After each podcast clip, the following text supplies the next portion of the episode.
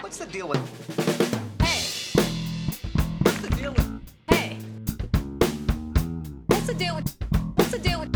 What's the deal with? What's the deal with? What's the deal with? What's the deal with? Ja, hva er greia med Monkey Island? Det skal vi snakke om i denne episoden av Retrospellauget, en DLC-episode fra Crossover Gaming. Mitt navn er Ingar Takonobu Hauge, og jeg er programleder for Crossover Gaming, en uh, gamingpodkast der vi snakker om liv, universet og alt mulig, men mest om spill. Um, og i Discord-communityet vårt så har vi en kanal som heter Retrospellauget. Der vi samles med jevne mellomrom, spiller et retrospill etter avtale. Og så snakker vi litt om det spillet, eller de spillene. I høst så har vi spilt gjennom tre Monkey Island-spill, og nå er det på tide å samle noen av disse inntrykkene i en episode. Og det passer jo veldig godt, for Monkey Island har nylig hatt 30-årsjubileum. Så da er det absolutt på sin plass å snakke om denne serien.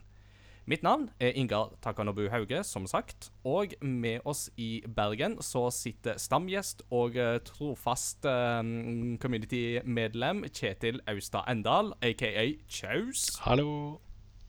Og i Oslo så sitter et annet trofast medlem i vårt community, men det er første gang hun er med i en av våre episoder.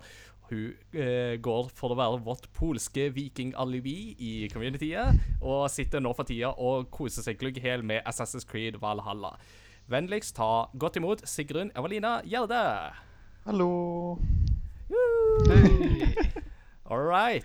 Eh, Var det noe som mangla i noen av disse introduksjonene? Noe dere vil tilføye? Eh, jeg kan for så vidt tilføye at jeg eh, er nok også Discordens F0-fan nummer én. F-Zero! det Jeg tror det kan Jeg, jeg, jeg kjenner et par andre eh, som er en del av vårt community som er veldig glad i F-Zero òg, men eh, dere skal få lov å ha en holmgang eh, på det når eh, det er lov å ha Når sosial avstand ikke lenger er greia, så skal dere få lov å hakke løs på hverandre. En holmganger. ganger. Men jo, eh, Sigrun, det er jo første gang du er med i en av våre episoder. Så vil du bare gi en sånn kort eh, oppsummering av eh, hvem du er og hva du holder på med, og litt sånn gaming-erfaring? Mm. Jo, um, jeg, jeg jobber som, som lærer, og um, derfor er det god bruk for min interesse for spill. Um, så jeg, jeg har spilt veldig mye forskjellig. Uh, strategispill, RPG-spill, eh, bilspill osv. Men eh, det som er min største eh, kjærlighet innenfor spill, er nok, eh, det er nok RPG-ene. Så Mm. da er det Witcher 3 som er eh, favorittspillet mitt gjennom tidene. Yeah.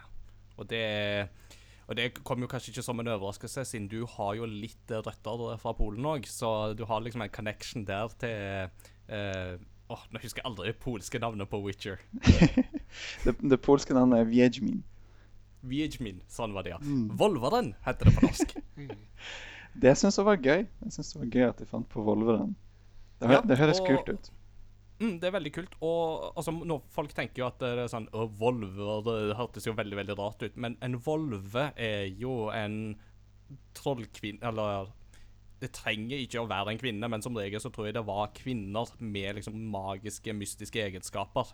Eh, basically en form for en heks, og det passer jo veldig godt med a Witcher, eller uh, Der Hekser, som det jo heter på, på tysk.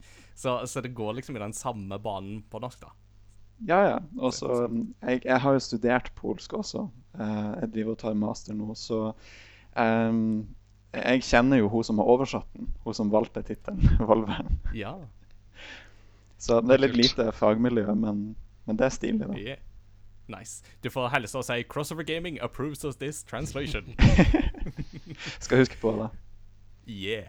Men uh, The Witcher det får bli en annen gang, for denne gangen så skal vi snakke om Monkey Island-serien. Uh, dere har jo begge vært med gjennom eh, de siste ukene, der vi har spilt gjennom uh, The Secret of Monkey Island, Monkey Island 2, LeChuck's Revenge og Curse of Monkey Island. Eh, og Monkey Island-serien består jo i utgangspunktet av fem spill totalt, uh, men vi valgte å sette en sluttstrek der, for det går et litt sånn skille uh, etter det tredje spillet, vil mange si. Og der serien tar en litt annen retning med spill fire og, og fem. Men òg fordi at vi tenker at det, det passer liksom der før vi går over på et nytt prosjekt. Så eh, for de som aldri har vært borti Monkey Island, så det, kan det jo være greit å gi en kort introduksjon til denne serien. Eh, Monkey Island er en pek og klikk adventure-serie som jo var veldig stort på PC, særlig på 80- og 90-tallet. Og det ble utvikla av Lucas Arts, eh, eller Lucasfilm Game Studio, som det heter på den tida, og kom ut i oktober 1990. Eh, det ble skapt av en trio som består av Ron Gilbert, Gilbert, Dave Grossman og Tim Shafer. Og særlig Tim Shafer er jo i ettertid kjent for å ha utvikla spill som Grim Fandango, Brutal Legend, Psychonauts og Broken Age med mer. Eh, men Ron Gilbert regnes ofte som en av hovedhjernene bak særlig da de to første spillene. Uh, og litt av motivasjonen hans for å skape Monkey Island var at han hadde sett seg litt lei på disse uh, adventure-spillene på 80-tallet, der du kunne dø langt ut i spillet fordi du ikke hadde fått med deg et sånt uh, equipment litt tidlig i spillet. jeg mener å huske at et eksempel som av og til trekkes fram, til et av disse Police Quest, eller Space Quest-spillene fra Sierra, der uh, ganske tidlig i spillet så tror jeg det er en mus som springer over et gulv og som tar med seg noe. Og hvis du ikke klarer å få tak i den musa og plukke med deg den gjenstanden, så vil du bli stuck i spillet ganske mye seinere, og så må du begynne på nytt igjen. og det var sånn Dette er slapt game design, vi kan gjøre bedre. Uh, og, og, hold, og, der holder de jo løftet, for i Monkey Island så er det nesten umulig å dø. Til og med hvis du havner i vannet, så kan du ikke drukne, fordi at uh, hovedpersonens uh, superevne det er at han kan holde pusten i ti minutter. det, det, er hans store evne. Det er liksom hans talent. Men det skal vi komme tilbake til. Um, en annen person som også var veldig mye delaktig i denne prosessen, det var Steve Purcell, uh, som var designeren uh, for Mangeilen. Og han er best kjent for å være skaperen av Sam Max, en annen stor LucasArts-serie. Purcell jobber i dag uh, for øvrig i Pixar, der han har vært med på titler som Brave, Cars og lignende. Så i Monkey Island-serien så følger man jo da den unge, lovende piraten med det svungne navnet Guybrush Threepwood. Uh, et navn som ingen klarer å huske i løpet av spillets gang. Her fins det vel mange Her fins jo mange kreative varianter underveis. vil du ikke si det, Kjetil? Uh, er jo sånn som uh, Guybrush Mancomb. Ja. Mancomb. Comb, altså, altså ja, ja. Så det ingen som klarer egentlig å huske det navnet. Uh, det er vel på et tidspunkt at uh, kokken i Monkey Island 2 sier vel Guybrush, is that a French name? No, actually, it's a fictional name. det er veldig mye sånn metakommunikasjon uh, i Yes. Og det er jo en del av ja, og det er jo en del av kjernen i Monkey Island er jo nettopp denne humoren som jo går veldig igjen i i hele serien. Og Monkey Island trekkes jo nesten alltid fram når man skal snakke om humor i spill, og hvordan lage morsomme dataspill. For det er en veldig, veldig vanskelig kunst som få har klart. Men eh, Guybrush Threepwood er jo da en ung, lovende, vil bli sjørøver i Karibien. Eh, I liksom type 1600-1700-tallet. Sjørøvernes eh, gullalder. Uh, han har ikke så mye å stille med til å begynne med, men han gjør nå sitt beste. Underveis så forelsker han seg i uh, guvernøren av Malay Island, som heter Elaine Marley. Vote Governor Marley. When there's only one candidate, there's only one choice. Men som om det ikke var nok med det, så er det jo da en uh, annen kar som prøver å stikke kjepper i hjulene underveis, og det er jo da spøkelsespiraten LeChuck. Uh, og LeChucks store ambisjon er jo da å gifte seg med Elaine. Uh, hvilket jo skaper et sånt fint uh, kjærlighetsdrama som uh, Guybrush må løse opp i. Og han er jo da en sånn arketypisk pirat, det må jo legges til. Hvor han ikke klarer det... å si en eneste setning uten å si arr. ja, det, ja. det, det smøres tjukt på eh, med Pirate Lingo i eh, denne serien her. Eh, La det ikke være tvil. uh, og uh, en, en, en ting som jo går igjen med LeChuck, er jo dette her at um, han dør jo aldri. Altså, I første spillet så er han jo et spøkelse. Uh, men senere så blir han jo til en zombie, og så blir han til en sånn brennende uh, zombie-spøkelse, eh, demonskikkelse. Det er ikke måte på liksom hva slags inkarnasjoner han har underveis. Han er rutta uh, på reinkarnasjon. Ja, rett og slett. Han kan sin kenose. Ja. Ah, ja. Men vi snakket jo litt om Guybrush og dette navnet hans, og da må vi jo komme med dagens fun fact, nemlig hvor stammer navnet Guybrush fra? Eh, husker dere det? Eh, jo, var det ikke det med den ehm, At uh, det var filnavnene. Når de lagra modeller, så ble det laget som dot brush. Og da, og da lurte de på hvilket navn de skulle, skulle ha på eh, personen. Og før de bestemte, så skrev de bare Guy. Riktig. Så det var Guy.brush, som da ble til Guybrush. så, sånn kan du òg få til et navn, rett og slett. Uh, eh, det er jo sånne Jeg elsker når bare sånne ting bare stuck Altså, it sticks. Uh, det er jo sånn som uh, Dragon Age-verdenen, uh, som jo der kontinentet heter Thedas. Og det er jo bare en forkortelse for The Dragon Age-setting. Ah, det har jeg aldri fått med meg. Så yeah. Eh, Monkey Island, uh, litt mer uh, om den, er jo det at de tre spillene som vi skal snakke om, er jo da alle utvikla i den såkalte Scum-motoren. Og Scum er da en forkortelse for Script, Created nei, Script Creation Utility for Maniac Mansion. En grafikkmotor som LucasArts brukte fast fra spillet Maniac Mansion og fram til og med Curse of Monkey Island. Eh, en fun fact der er jo det at eh, det var Ron Gilbert, en av, uh, altså, en av skaperne bak Monkey Island, som koda Scum-motoren. Uh, Scum ble jo da senere erstatta av motoren Grime, som da er Grim Engine, der Grim Fandango var det første spillet som tok den i bruk. Og det skal jo da nevnes at Scum er jo da her skrevet med dobbel M, og det forklarer da òg hvorfor baren man kan besøke helt i starten av det første Monkey Island-spillet, heter Scum Bar. Scumbar. Så det er mange med interne referanser i disse spillene her, som er veldig artige å få med seg underveis. Eh, når det gjelder inspirasjon, så var jo da mm, ikke bare mm, serien inspirert av Ron Gilberts eh, irritasjon over dårlig spilldesign, men det var jo òg inspirert av attraksjonen Pirates of the Caribbean i Disneyland. Eh, det er jo ikke alle vet, er jo det at Pirates of the Caribbean var bare en attraksjon i Disneyland før Disney bestemte seg for å lage filmene med Jack Sparrow i hovedrollen. Interessant nok så kopierte jo faktisk Disney et, uh, en liten sekvens fra Monkey Island 2 i uh, sin første film. Men det kommer vi tilbake til når vi skal snakke om uh, Monkey Island 2.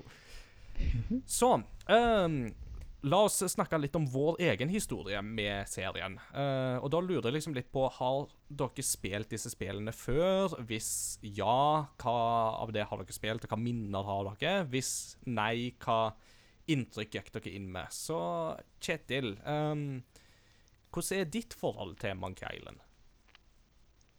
Det er jo uh, et, altså, Særlig Curse of Monkey Island. da. Det var jo et spill jeg spilte veldig mye som liten.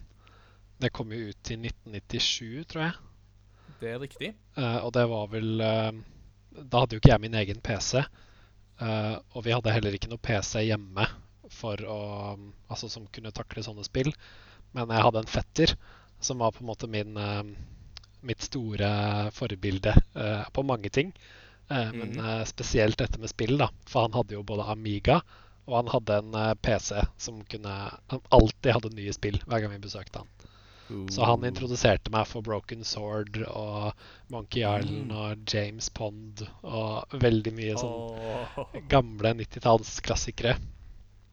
Broken Sword, der har vi jo noen sånne pek og klikk-klassikere som uh, vi kunne streifa innom i retrospillauget. Ja. Så han var jo seks år eldre enn meg, så han var jo Ja, jeg kan vel spilte vel kanskje dette da jeg var sånn ni år, da, og han var 15. Så da skjønte jo Mm. han sikkert mye mer av spillene enn det jeg eh, gjorde. Uh, og jeg syns bare det var kjempegøy å sitte og se på han klikke rundt. Og etter hvert så fikk, begynte jeg å gjøre det, jeg også. Og jeg skjønte jo ikke humoren og all dialogen. Eh, men jeg syns jo hele spillet er, ser veldig morsomt ut, og gåtene var veldig morsomme å løse. Mm. Eh, og det er på en måte når du endelig skjønner hva du skal gjøre med Altså hvordan du skal løse en av disse gåtene, og, og på en måte se hvordan spillet mm, Altså hvordan det utarter seg etter at du har gjort noe skjønt noe, da. Uh, og måten historien liksom går framover på med at du stadig skjønner flere ting. Det er veldig Det husker jeg likte veldig godt. Mm. Og som også på en måte åpna veien for meg for den sjangeren. Altså også en av grunnene til at, som jeg har snakket om i denne podkasten før, at Den lengste reisen er mitt kanskje et av mine favorittspill gjennom tidene. Eh, Mm. Og jeg hadde nok ikke oppdaget det hvis jeg ikke hadde spilt Monkey Island og Broken Sword først. For Nei, å på en måte gi det- meg uh, eh, lyst til å utforske den pek og klikk, eller tenkespill, som vi kalte det da vi var små. Det er jo faktisk en veldig veldig bra definisjon, for uh, pek og klikk-spillene fra den tida der følger jo en sånn egen type sånn intern logikk. Som er kanskje veldig forståelig når du er inni den, men når du skal sette deg inn i den, så er det veldig mye som er veldig veldig rart og veldig Mm. veldig uforståelig. Det er det. Yeah. Uh, Sigrun, uh, du gikk derimot inn i Monkey Island ganske fresht, egentlig. Jo, altså, jeg har ikke spilt noe Monkey Island før. Uh, jeg har jo hørt om serien, um, og det meste jeg har hørt, er jo på en måte om, om humoren og sånn.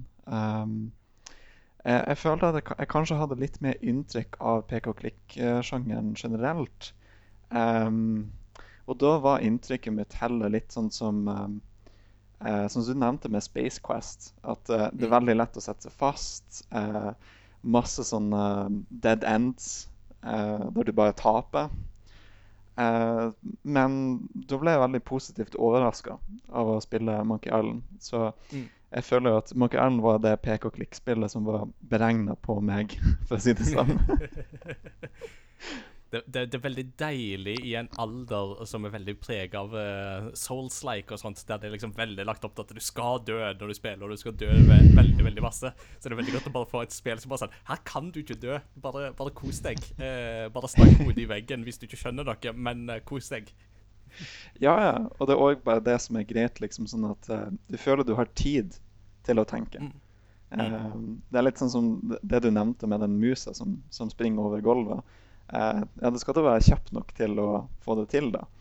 Mm. Mens det er merkbart få timers og sånn i Monkey Island. Mm. Og du får alltid muligheten til å prøve igjen på ting, så det er jo veldig Mm. greit. Uh, så med Ja, for min del, da, så uh, Monkey Island var jo sånn spill som jeg hørte om, uh, men som jeg aldri på en måte fikk stifta noe inntrykk med sjøl, for jeg vokste jo mest opp med, med konsoller. Um, men i 2009, var det vel, så kom jo da det første Monkey Island-spelet ut i en sånn special edition, uh, digitalt. Uh, som da er den versjonen som er lettest å plukke opp i dag. Uh, der man da tok utgangspunkt i det originale spillet, men la på ny artwork, la på stemmeskuespill og liksom ga det en ny, fresh look. Samtidig som at du kunne veksle mellom original look og ny look bare med å trykke på mm, F11 på, på PC-en. da. Eh, så den versjonen spilte jeg da den kom ut, og jeg syntes det var kjempefestlig. Eh, og et år seinere så kom de da med Monkey Island 2, som fikk samme behandlinga. Og så stoppa det egentlig der, for det var det som var lett tilgjengelig. Men for et par år siden så kom eh, Curse of Monkey Island og Escape from Monkey Island òg ut. Men det ble liksom aldri til at jeg plukka de opp. Eh, litt fordi at det har kommet så masse bra spill i de siste, de siste årene. Og mangla liksom litt det der pushet for å komme i gang. Så derfor så var det veldig godt når eh, dette ble et forslag i vår gruppe. Eh, og, jeg, eh, og det har vært veldig veldig artig. Så da har jo jeg da spilt to spill på nytt, og så har jeg spilt et tredje spill som jeg da aldri har rørt før. Eh, og det bringer vi jo da over, tilbake, eh, over på neste punkt, nemlig da til de som har spilt spillene før. Hvordan føles det å gå tilbake til spillene i nyere tid? Og for de som da ikke har spilt spillene før, hvordan føles det å plukke det opp for første gang i 2020. Uh, da lurer jeg på om Kjetil Om du ville begynne, kanskje? Ja. Uh, det Jeg uh, har jo ikke spilt disse oppussede utgavene. Eh, jeg har bare spilt dem litt sånn sporadisk, eller bare testa det. Eh, for det var jo, den, det var jo treeren jeg spilte mye som liten. Og så Mhm. husker jeg også at fetteren min viste meg også eneren og toeren. Men da på en måte var det litt sånn gammelt og litt sånn kjedelig. på en måte. Det ble ikke helt det samme. Mm. Uh, og da de kom i oppussa utgave, så tenkte jeg vel at jeg skulle spille dem. Og jeg testa det, og jeg kjøpte de på Steam. Men det blei på en måte aldri ja, aldri noe av det. Ja, den evige Steam-backloggen. Åh, ja. Det er, eh, den bare vokser hver gang det er salg. The only constant in the universe. Mm. The Steam backlog will keep growing. Ja, og da um, uh, Da ble jo dette en fin mulighet til å få spille eneren og toeren helt gjennom for første gang. Eh, og jeg syns jo det at uh, humoren er jo helt uh, fantastisk og sitter som et skudd. Den er akkurat like like morsomt som den var da spillene kom, vil jeg tro. Mm.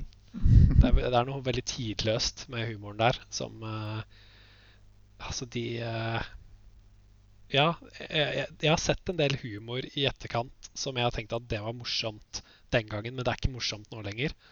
Mens Mm. den humoren her har et eller annet som er så uskyldig og nydelig ved seg at den på en måte Den tråkker ikke på noen og ikke Det er bare gøy og absurd.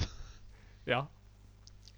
Uh, og på en eh, Jeg vil også Det er også noe jeg, vi kan komme tilbake til, men eh, det er også en erkjennelse at denne formelen med pek og klikk den appellerer nok ikke til meg like mye i dag som den gjorde da jeg var liten. Nei. Eh, for det har skjedd mye på dataspillfronten i løpet av 30 år. Eh, og, det, og det merkes at jeg blir Mm. utålmodig av at karakteren beveger seg sakte over skjermen. Og det er ingen grunn, det er ingen måte å få det til å gå fortere. Ikke noe sprintknapp og ikke noe eh, fast travel. Det er en del ting, sånn quality of life-ting i nyere spill som jeg har blitt så vant til, at Mm. uh, det kjennes litt sånn seigt av og til. Ja. Uh, men så sitter jeg likevel og tenker at ja, men dette er jo et mesterverk. Jeg spiller et mesterverk. Og det er jo kjempegøy å spille det, selv om jeg blir litt sånn kan ikke du gå litt fortere nå? Det, det, det har jo skjedd mye på filmfronten siden Akira Kurosawa lagde De syv samuraier i 1954, men det er fortsatt et mesterverk i svart-hvitt på tre og en halv time. Det, det, det kan Ja. ingen benekte. Eh, Så Nei, men altså eh, men, men, men det er jo veldig klart ikke sant, at folk som går inn i eh, Monkey Island nå, må absolutt gå inn i det med et mindset om at nå går jeg inn i en annen måte å tenke spill på. Altså, jeg går inn i en annen epoke, rett og slett. Uh, så det er noe som du sier der, altså, at det er veldig forståelig med at du kan eh, sette pris på det som er tidløst, og så kan du glede deg over at noen ting har heldigvis forbedra seg siden den gang. Eh, Sigrun, eh, for deg som da ikke har spilt det før, hvordan føles det for deg å plukke opp spillene for første gang i 2020? Eh, nei, altså det var jo interessant med eh, eneren og toeren med nyutgavene, at de har fått en retro-mode. Eh, Mm. For det ga meg jo muligheten til å se hvordan spillet faktisk så ut uh, originalt. Og det syns jeg var ganske stilig. Um, for jeg hadde ikke sett hvordan spillet egentlig så ut, uh, sånn som det var i begynnelsen. Um, så jeg syns um, Jeg syns det var De har gjort en bra jobb med å gjøre det tilgjengelig, føler jeg. Mm. Uh, med at du både har den muligheten til å se litt på litt spillhistorie, og så har du også mm, alle de tingene som de har forenkla eller gjort, eh, gjort mer intuitivt i forhold til eh, originalen. Mm. Absolutt. Eh, Nei, altså, jeg òg er jo en sånn som setter veldig pris på den muligheten til å veksle mellom gammelt og nytt. Det syns jeg er en sånn fin eh, mulighet, da, for da får man både i pose og sekk, tenker jeg. Da kan de som sverger til den gamle utgaven og bare sånn, da jeg skal ikke klusse med mitt spill, de kan bare få en digital versjon av spillet som de kan kose seg med og være fornøyde med. Og så kan eh, jeg eh, på min side heller sette meg ned med nyversjonen der jeg får eh, med stemmeskuespill og hele pakka. Eh, mens vi snakker om stemmeskuespill, så kan vi jo ikke komme unna Dominic Armado. Uh, det fantastiske talentet ja. som står bak stemmen til godeste Guybrush. Uh, og som da i dag jobber som uh, hva er det han er? Journalist og restaurantkritiker. Ja, det er jo ganske fascinerende. Ja. Så han har tatt en sånn ganske annerledes karriere etter å ha vært uh, Guybrush. Det er liksom det som har stort sett vært hans bidrag i stemmeskuespillets verden. Men uh, eh, til gjengjeld så er det et sånt uforglemmelig eh, uttrykk da, som han uh, leverer. Um, og det er jo veldig moro med at um, Curse of Monkey Island, det tredje spillet, var jo det første som hadde stemmeskuespill. Da det kom i 1997. For Ja. da hadde man CD-rom-muligheten, der man tidligere bare hadde hatt disketter og sånt. Men da de lagde en og ny, toen i sånne special editions, så fikk de tilbake stemmeskuespillerne, og fikk de da til å spille inn disse setningene i de originale spillene. Så det er jo en sånn ting man kan sette veldig pris på, for det er absolutt en sånn quality of life improvement. Og særlig da etter Curse of Monk Island så er det vanskelig å gå tilbake til et Monk Island-spill som ikke har stemmeskuespill. Det sånn, det føles litt rart. Det føles litt trist å ikke skulle høre Guybrush som sier I'm Guybrush Threepwood, I'm mighty pirate. Jo, altså, altså underbygger det jo humoren også veldig bra, for det er måten de leverer vitsene og Mm. sånn som, som gir det litt ekstra. Absolutt. All right. Da har vi snakka litt sånn generelt uh, om uh, spillene, og da tenkte jeg at uh, vi skulle ta for oss ett og ett av disse spillene som vi da har spilt. Eh, med mindre det var noen kommentarer før vi går i gang med det. Eh, det var en ting jeg tenkte på, at du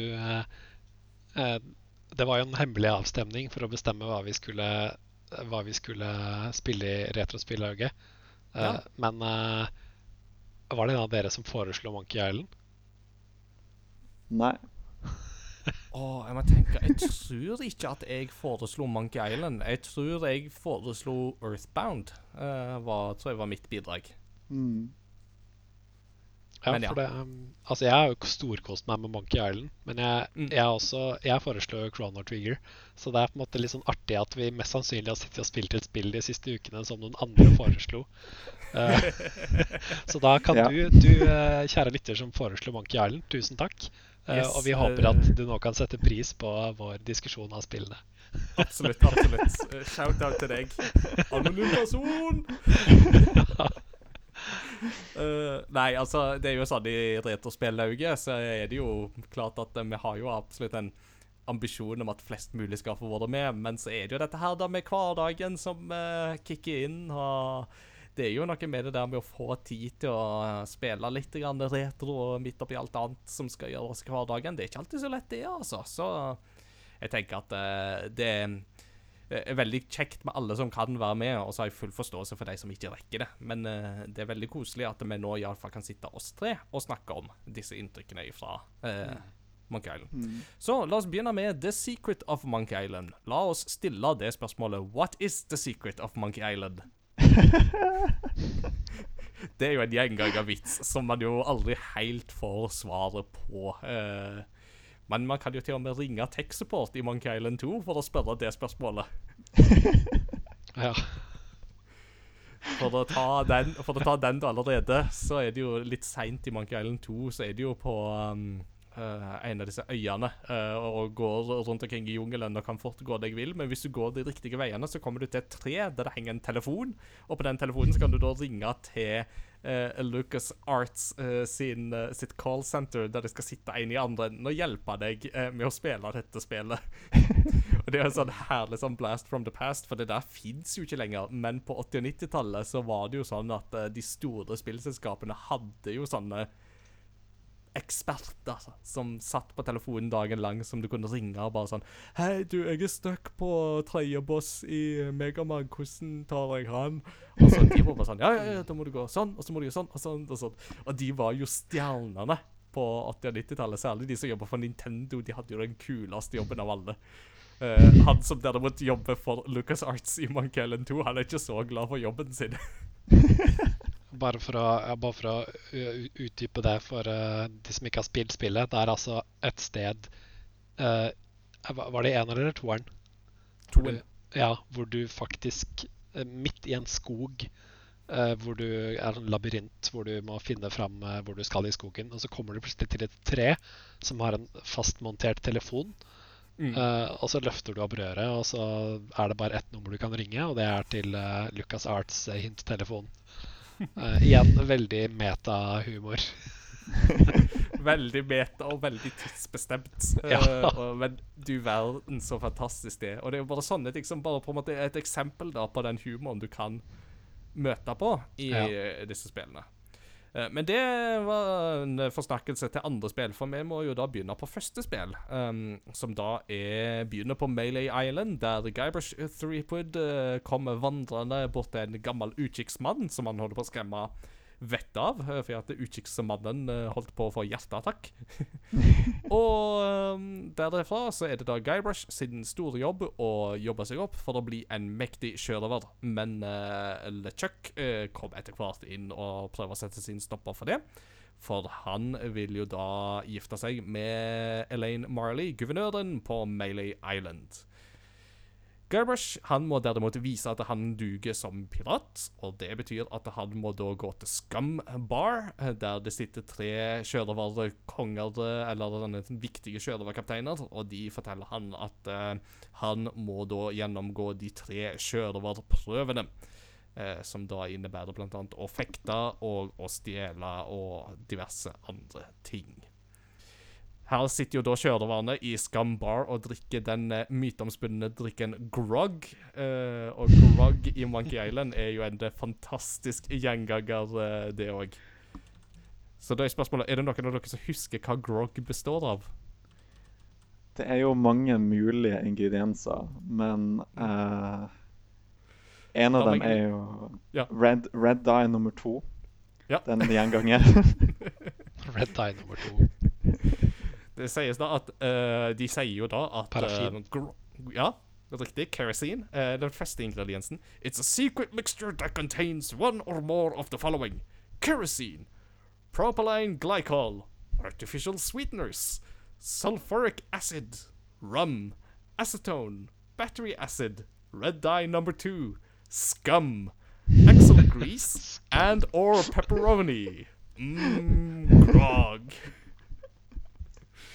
Og det finnes jo da ganske mange varianter av grog underveis i uh, Monkey Island-spillene. Du har grog, du har diet grog, du har cherry grog, du har grog classic, du har caffeine-free grog, og så har du near grog, som er en non-alcoholic variant, og light grog, som Guybrush beskriver som like real grog, only without the taste, calories or deliberating, ne, deliberating blackouts.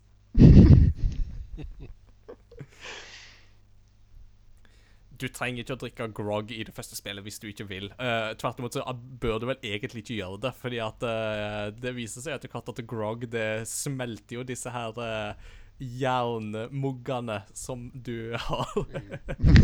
Jeg tror du har runda et kvartal. yes. Det er er jo en veldig- gåte i spillet som handler om det at du skal eh, prøve å frakte grog fra en del av landsbyen til en annen. Eh, Og det er ikke så lett når, du, når det smelter etter du bare har tatt eh, 20 skritt. Så da må du ha med deg sånn tre-fire uh, kopper uh, som bare er klar, og så må du bare helle over, helle over, helle over, helt til du kommer til fengselet der du kan bruke groggen til å smelte låsen, som en stakkars fyr må få smelte for å komme seg ut. Det er jo litt interessant også at hvis du tenker med den smeltinga, så burde du jo også blande jern i det. Mm. Så da kan man jo si at grog har enda en ingrediens. uh, så, um, så Så hva var liksom førsteinntrykket som dere sitter igjen med etter, etter The Secret of Monkey Island? Uh, dette var jo her vi begynte hele eventyret. Så um, Sigrun, hva, um, hva satt du liksom litt igjen med etter de uh, første timene? Uh, jeg følte på eh, noe som jeg godt kunne ha nevnt før, men den logikken som eh, dere prata om i, eh, i PK-klikkspill, det var vanskelig å bli vant til. Eh, det var flere ganger jeg bare tenkte sånn Men, men det er jo ikke mening. Hvor, hvorfor skulle jeg gjøre det? Mm. Eh, så den, det var vanskelig å, å bli vant til, må jeg si. Men samtidig så var det noen ting som holdt meg gående og gjorde at jeg eh, fortsatte å spille det. Eh, det var et fint soundtrack. Eh, jeg fikk virkelig sånn piratstemninga i meg av eh, både det du ser og det du hører. Absolutt, absolutt. Det er jo um, Michael Land som står for musikken i hele serien, og han uh, har jo absolutt gjort en solid jobb med å virkelig naile den der uh, Pirates Life for me-følelsen. Jo, og selvfølgelig var det jo humoren òg. Eh, Mm. Humoren merka jeg ganske kjapt at jeg fikk en litt sånn Monty Python-følelse av det. Mm. Eh, at den er litt sånn tørr, men samtidig absurd type Mhm. humor. Og eh, det, det passer meg veldig godt. Jeg er en veldig stor fan av uh, Monty Python. Så det, var- det var en glede. Holdt meg, holdt meg inne i de vanskelige puslespillene. Absolutt. Det, det tar jo ikke lang tid før du blir eksponert for denne humoren. Du trenger jo ikke gå lenger enn til Scum Bar og gå opp til han som sitter med buttonen der det står 'Ask me about Loom'. Eh, og for gi, og for å gi konteksten her, da, så er jo da Loom var jo da spillet Lucas Arts lagde før de lagde The Secret of Monkey Island.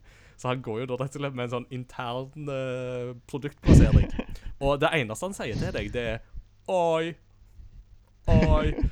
Helt til du spør den om Loom, der han begynner å våkne veldig opp og bare sånn Are you talking about the new game from LucasArts with the fantastic graphics? Eh, og liksom bare ha den sales pitchen klar. Ikke redde sånn, for selvpromotering. Nei. Oi. Uh, eller denne her bikkja som står i hjørnet, som du kan ha en veldig eh, livlig samtale med. med bare ruff, ruff, ruff, ruff, LeChuck, ruff, ruff, ruff, Monkey Island ruff, ruff, ruff. Det, det var Ja, eh, unnskyld, det var sant, han- det, det var det øyeblikket som jeg merka med den huden. Og bare sånn Oi, OK. Det, det, det, det er sånn her humoren er. Det er her vi er. Mm. Eh, og den humoren uh, forplanter seg jo videre òg når du møter det, Hva er det de heter, da? Uh, Fettuccini Brothers. Yeah. Eh, jeg syns det var veldig gledelig å, å oppleve Fettuccini Brothers.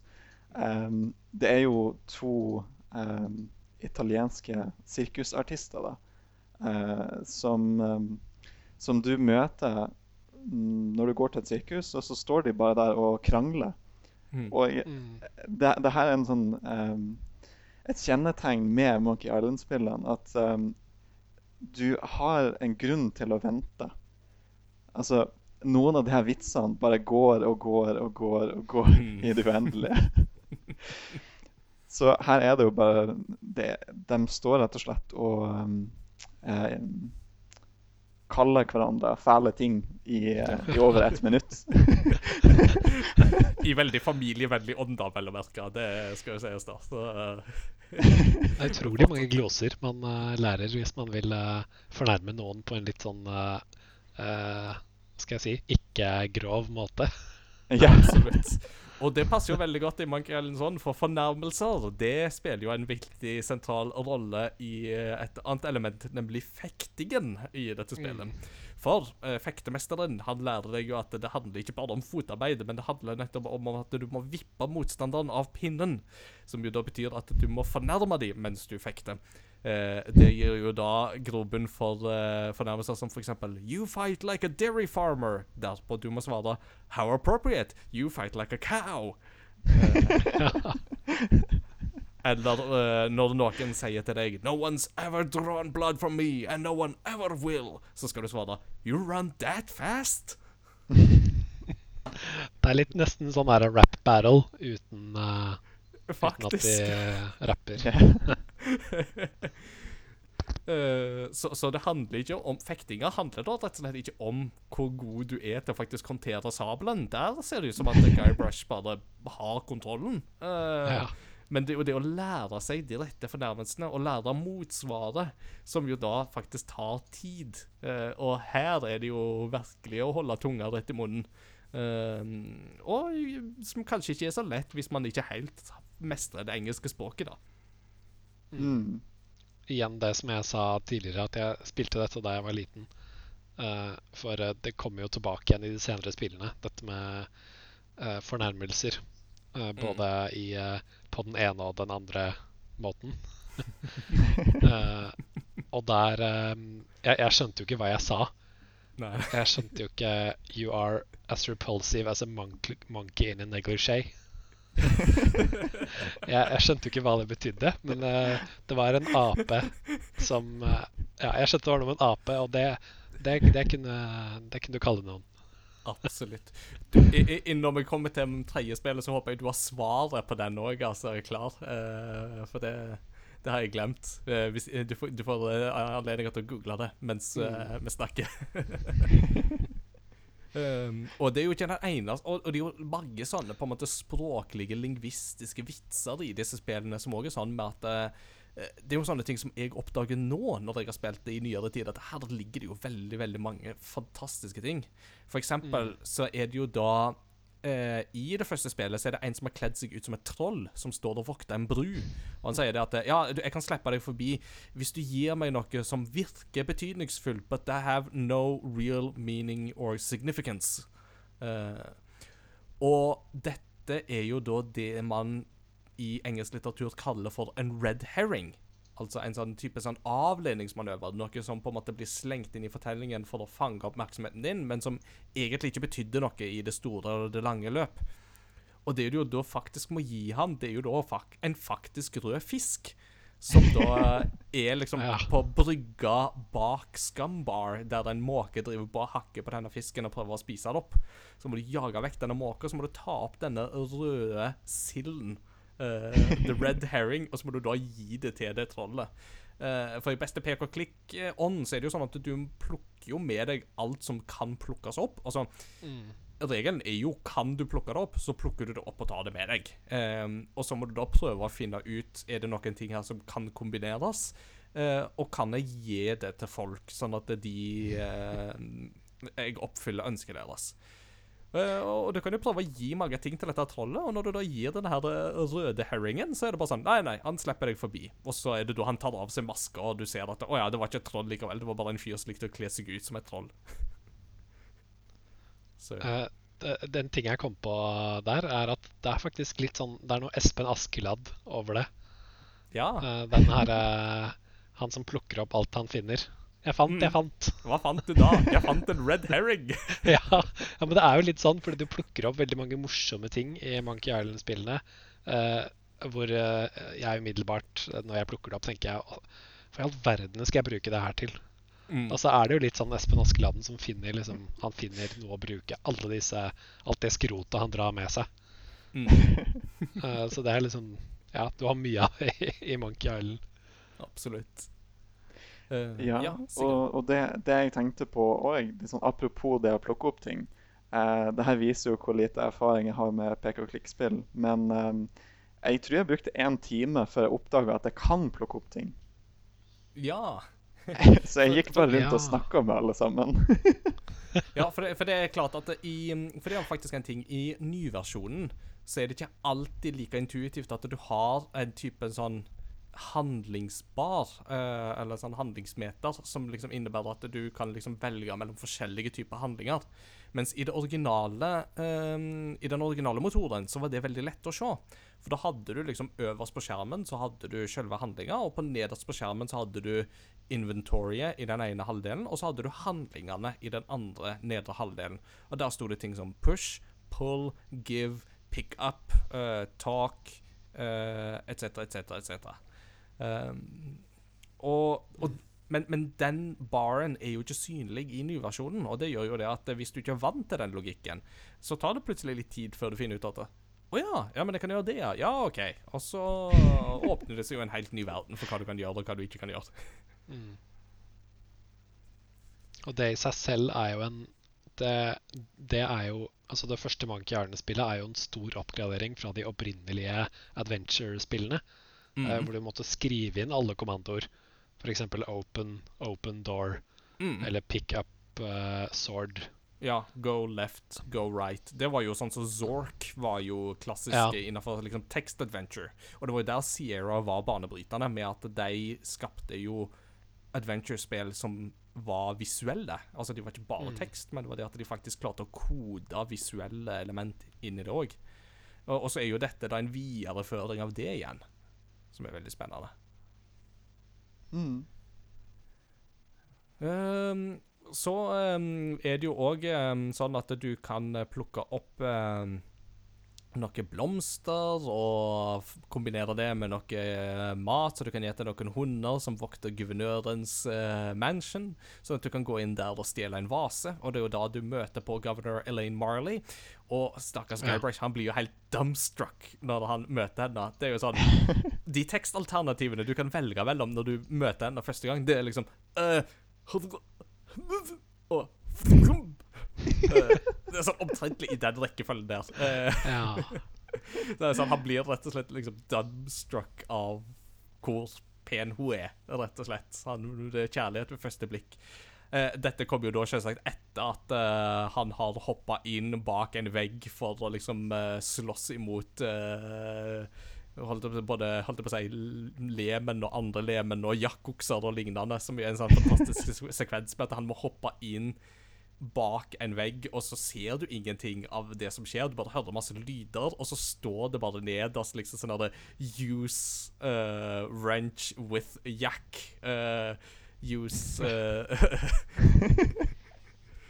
uh, Og det er liksom bare sånn en, en, en rekke du, du må liksom bare la liksom fantasien bryte løs. Det er sånn uh, Take uh, Take hammer from laughing clown. Uh, plutselig er det en leende klovn der bak. Use hammer with yak.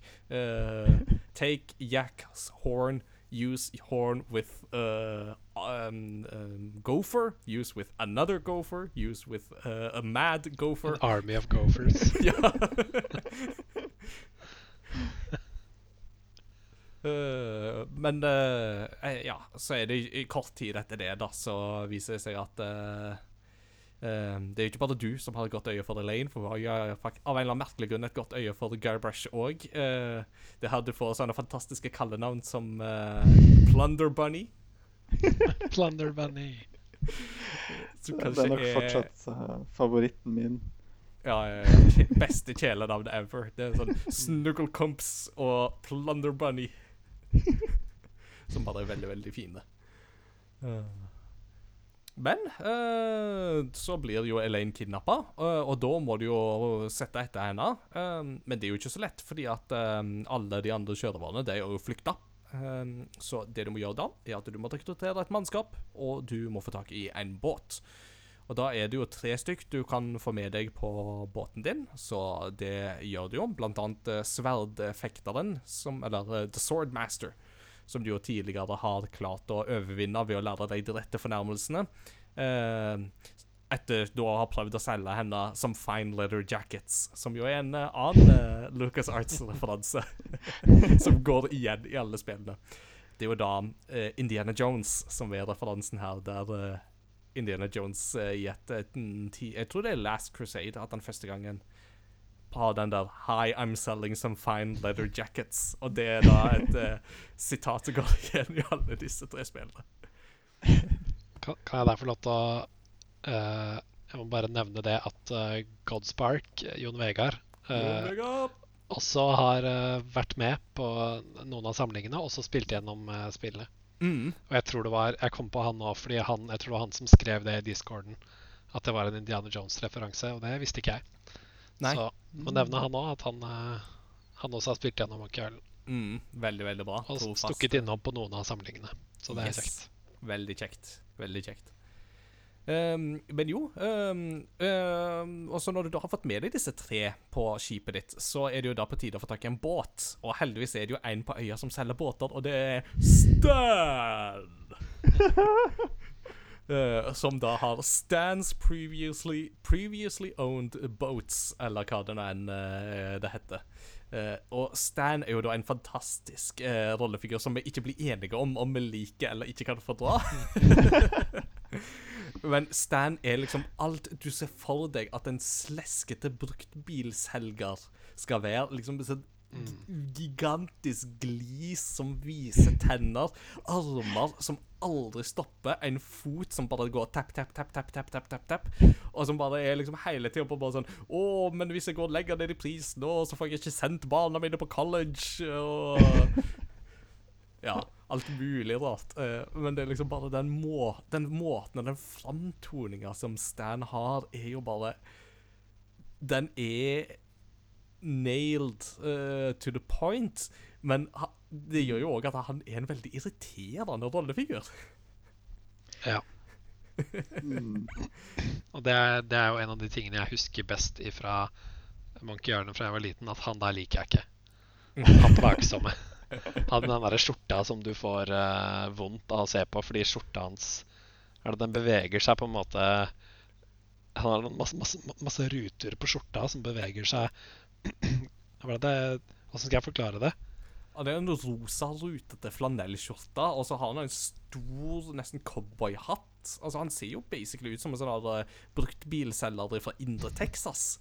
Det er noe med skjorta hans som på en måte beveger seg når, når han beveger på seg, så beveger rutene på skjorta hans også. Ja. På en veldig sånn Mm. forstyrrende måte. Det må nesten bare søke det på YouTube. Det er, og det valgte de å ta med i alle spillene.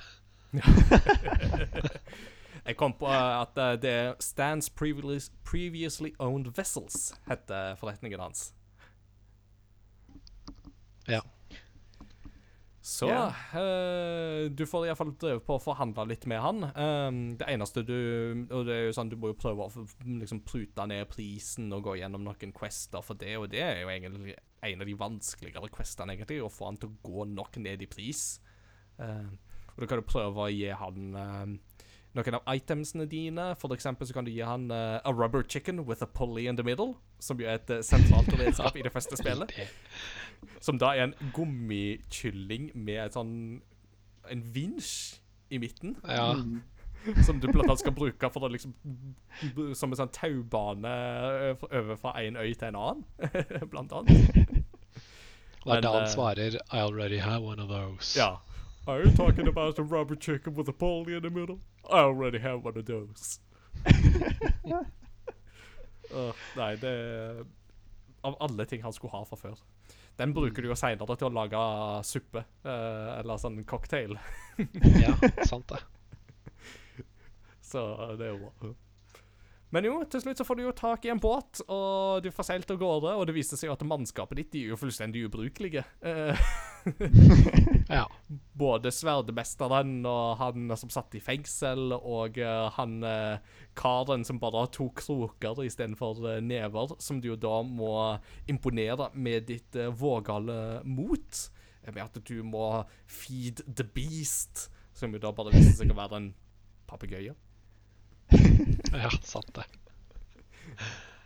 Uh, men eh, de bare sånn Nei, nei, nei, dette er kjedelig. Og så bare setter de seg på dekk og soler seg og bare venter på at de skal liksom seile til et eller annet paradis og kan slappe av.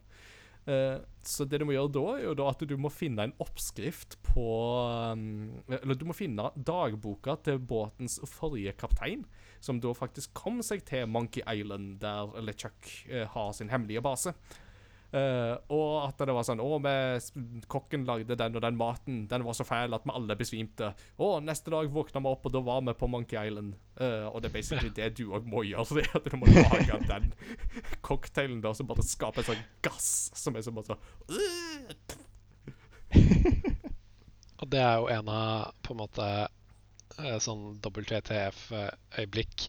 Eh, Når man får kartet som skal vise deg vei til Monkey Island, så er det bare en oppskrift.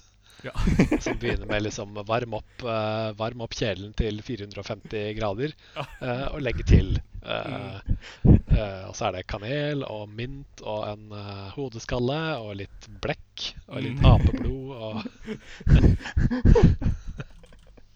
eh, Og noe frokostblanding, ikke minst. En sånn type sånn Captain Crunch-lignende, selvsagt. Ja. Mm. Eh, som du da inni finner en eller annen leke eller noe sånt inni, så det er bare sånn Au! Du liksom spiser på den, og så får du vondt, og så fant du den. Men du kommer deg iallfall til Monkey Island. Eh, det er jo da en eh, skummel plass der eh, LeChuck har sin base, og der kannibaler bor. Eh, og der møter du òg på sjørøveren Herman Toothrot, som da er igjen fra mm, forrige ekspedisjon som var på denne øya. Og Herman Toothrot han er jo da en eremitt. Som uh, mer eller mindre har blitt uh, gal uh, i løpet av sin eremittilværelse. Like you do. As you do. Eh, men han er, han er en fin kar. Eh, det er jo her òg du um, ser ved LeChucks um, base, som da er ved et stort apehodestatue, eh, eller sånn monument. Så, så henger det jo masse sånne skjeletter eh, som liksom skal være til skrekk og advarsel. Og det er jo her du kan klikke på disse skjelettene, og du finner ut at den første heter Shish Kebab. Andre heter Shish Joe. Og tøyet heter Shishke Larry. Enkel humor. Enkel og fin humor. Ja. Og så, men du, ja, du må jo til kannibalene, og de tar deg jo til fange. Og du kan prøve å distrahere dem med å si 'Look behind you, a three-headed monkey', som er en sånn klassisk eh, gjenganger-avledningsmanøver i spillet. Og dette er jo faktisk den sekvensen der det dukker opp en three-headed monkey, og de bare 'Nei, du lurer ikke oss igjen'. Nei da, den er ikke der.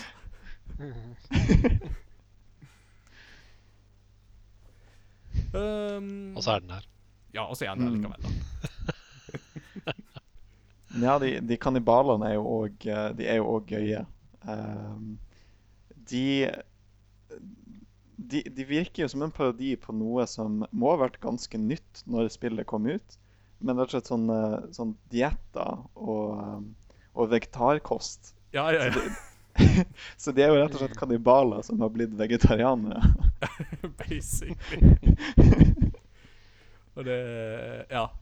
Det er jo bare f- fint, altså. At de snakker om farene med å spise for mye rødt kjøtt. Ja.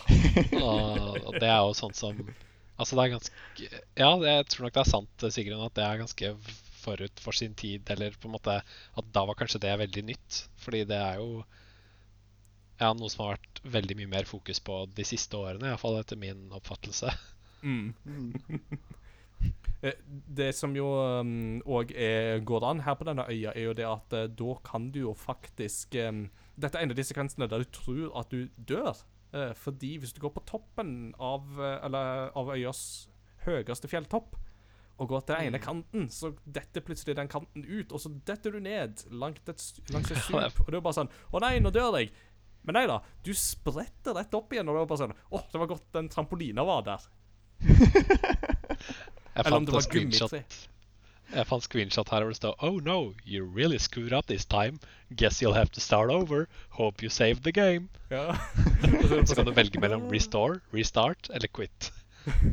Men så plutselig, før du da kan velge, så kommer Guybrush hoppende opp igjen og bare sånn oh, det var godt den eh, trampolina eller Rubber gummitreet eller hva det enn var, var den det som du jo faktisk må få tak i fra disse kannibalene, da, eh, for å komme inn i denne apestatuen, det er jo en gigantisk q-tip. Som du da skal stikke i øret på det apehodet.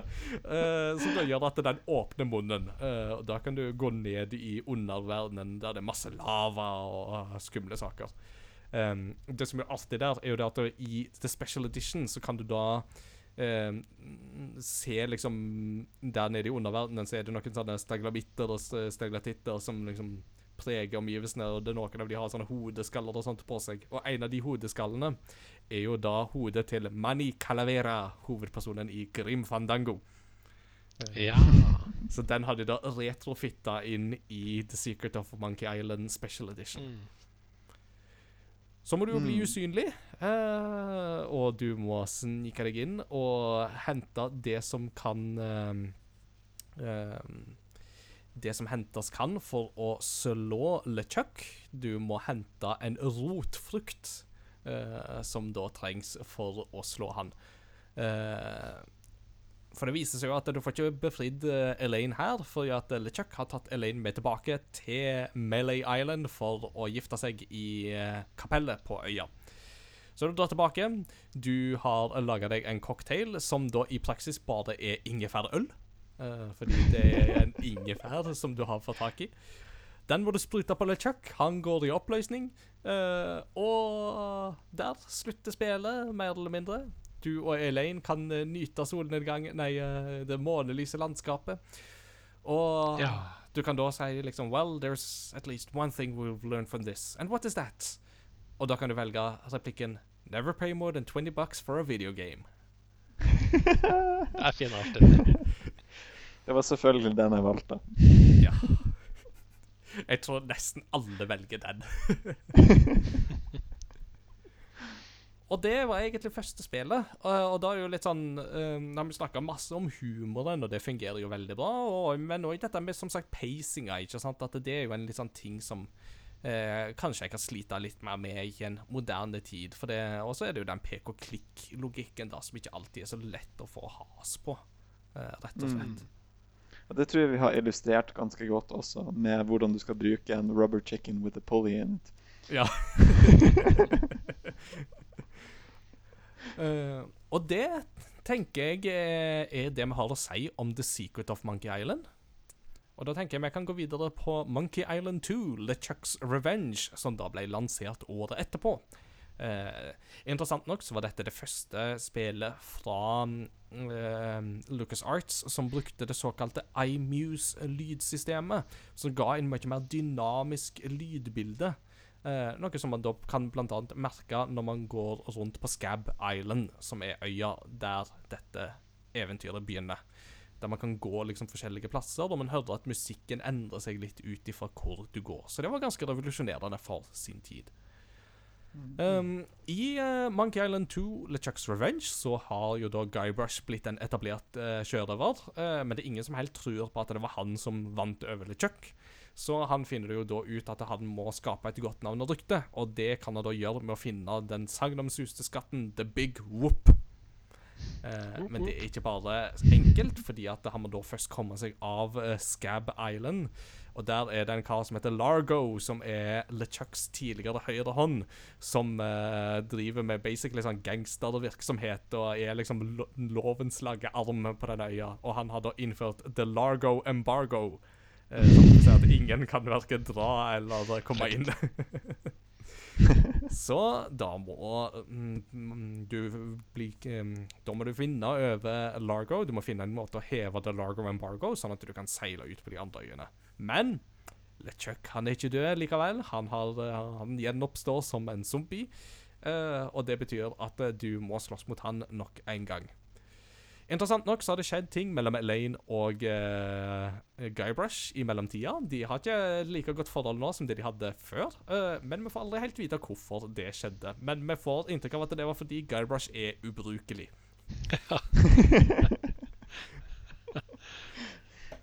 Så ehm, la oss snakke litt om førsteinntrykk med Monkey Island 2.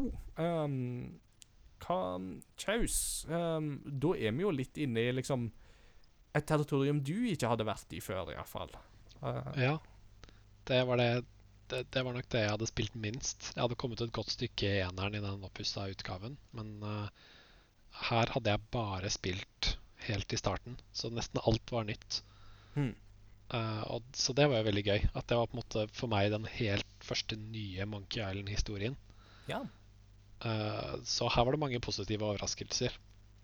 Uh, både det at det var så mye nytt å utforske, og så mange nye landskap og vitser og gåter å løse. Mm. Uh, og det at jeg trodde at spill 1 og spill 2 var blitt uh, remastera samtidig. Så jeg trodde at grensesnittet, eller interfacen, var helt lik. Men uh, det var ganske mange oppdateringer uh, som var skjedd på dette året fra disse um, remasterne ble laget. Mm, absolutt. Eh, det er veldig tydelig at de har lært masse av oppussingsarbeidet med Mm. The Secret of Monkey Island og gjort ganske mange quality of life improvements til special edition av Monkey Island 2.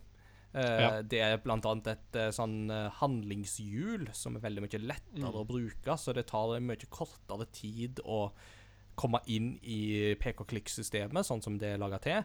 Um, kunststilen er mye skarpere, den er liksom bedre, og den flyter òg bedre rent teknisk sett. Du merker liksom at den har en annen flyt som bare er, er bedre. Og så ikke minst så kommer jo da Special Edition med en fantastisk feature, nemlig kommentarspor. Ja. Ja. som jo er en herlig eh, tillegg. Kjempegøy. Eh, med jevne mellomrom så kan du nemlig trykke, iallfall på PC, så kan du da trykke på A eh, når det står 'Press A for commentary'. Og da kommer da eh, Ron Gilbert, Dave Grossman og Tim Shafer har da gjesta Lucas LucasArts igjen. Så sitter de og snakker om utviklingsprosessen av Monkey Island 2. Uh, og da ofte den spesifikke scenen som er der du uh, befinner deg akkurat uh, når du kan trykke på den knappen. Eh, og, og det som er så gøy, er jo det at eh, veldig mye av det kommentararbeidet Det virker så lite planlagt. Det virker egentlig bare som at eh, de har satt seg ned og så bare, og bare sånn Ja, jeg husker hvor, Hvorfor gjorde vi det nå igjen? Og bare sånn uh, og, og andre ganger der de bare liksom snakker om at det, Ja, det var kjempegøy. Nei, nei, nei, nei det var kjempeteit. Det er jo det dummeste vi har gjort. Og bare sånn Nei, du skjønner ikke humor. Og så, og sånn, og, og så kommer Team Shafer bare sånn uh, Hørte dere forresten at magen min rumler akkurat nå? ja, det er kjempegøy at de ikke har klippa ut sånne ting. Og det er så Det er så herlig, altså. Ja, jeg, jeg syns også det var, det var noen fine detaljer uh, der, um, der de f.eks. nevner Why did we make this game so long? Ja. Bare stille spørsmålet, liksom. oh.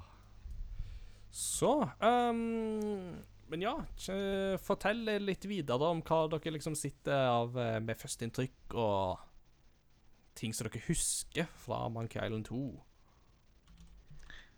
Um, jeg husker jo um, Jeg husker jo veldig godt humoren her også. At eh, det, var, det var flere høydepunkter i løpet av um, av spillet med ulike karakterer, sånn som f.eks. Mad Marty. eh, Som han, han driver et vaskeri på den første øya du er på. Mm. Og han er den mest tunghørte personen du noen gang har eh, opplevd. Så han, han hører alt du sier feil. mm. Så eksempel eh, når du skal gå og hente noen klær og sånn, så har du en unnskyldning du kan gi. Du kan gi en unnskyldning og eh, 'It was stolen'. Og da tror han at du har sagt 'You took it bowling'?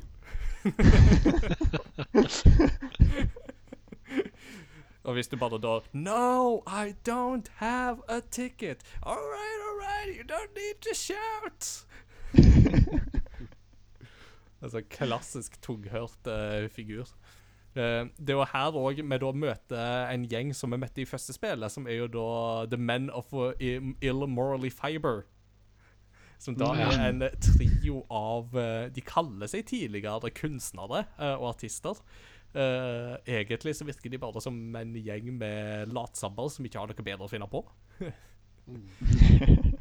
og de um, har rett og slett da prøvd å turnere med sånn metashow om liksom verden og liksom dens eksistensielle uh, liksom krise. Men uh, det funka visst liksom ikke helt, og nå sitter de bare der og får liksom ikke gjort så mye mer. Det kan minne om uh, Jeg vet ikke om det kan være en kommentar på det. Altså noen som har studert i veldig, veldig mange år. Ja, ja, ja. Uten å, og så kommer man til det punktet at man ikke har mer studielån igjen, og så har man ikke egentlig lyst til å begynne å jobbe, og så Mm. ja. kan man gå inn i litt sånn ja, tenkemodus. Oh yes, absolutt. Uh, dette er jo òg øya der du da kan eh, besøke gravplassen. Uh, eller da Scab Island Internment Park, som det jo heter så fint. Eh, og det som er så fantastisk på denne gravplassen, er jo at der er det jo eh, masse sånne inskripsjoner på gravstøttene, som jo er rett og slett veldig, veldig fine. Eh, blant annet så har du jo da eh, Nibbles. Here lies Nibbles the dog. He was a bad dog. We're glad he's dead. Og så har du jo da eh, trioen med The Grave of the Unknown Pirate. The Grave of the Unknown Cabin Boy. The Grave of the Unknown Guy we found face down in his own vomit on the beach. Og går du opp da på toppen av uh, haugen, så har du jo da flere sånne gravstøtter der det står på rim Uh, og det er jo da Blant annet så møter du jo Har du jo graven til bestefaren til Largo, uh, som da er Marco Largo Legrand. Hell on sea or land. The good news, he's dead. The bad news, he bred. Å, det er bra. Det er, der har du den der eh, Monty Python-schwungen igjen. Mm, absolutt. Her har du mange sånne, der, sånne der limericks òg. Sånn som The once was a girl named Carrie who thought that she should uh, La meg begynne igjen. There once was a girl named Carrie who thought that she soon should marry. She went into town and flirted around. She didn't get wed, she got buried. Oh, shit. Og så har vi jo da Ja. Og det er jo der man også har kanskje den morsomste scenen i hele spill nummer to. Det kommer Eh, an på som- hvem du spør av disse utviklerne, da. Ja, og det er det som er så gøy i, eh, ja, i kommentatorsporet. At de er Det er ingen som helst skjønner hvorfor, hvorfor det skjer, det som skjer.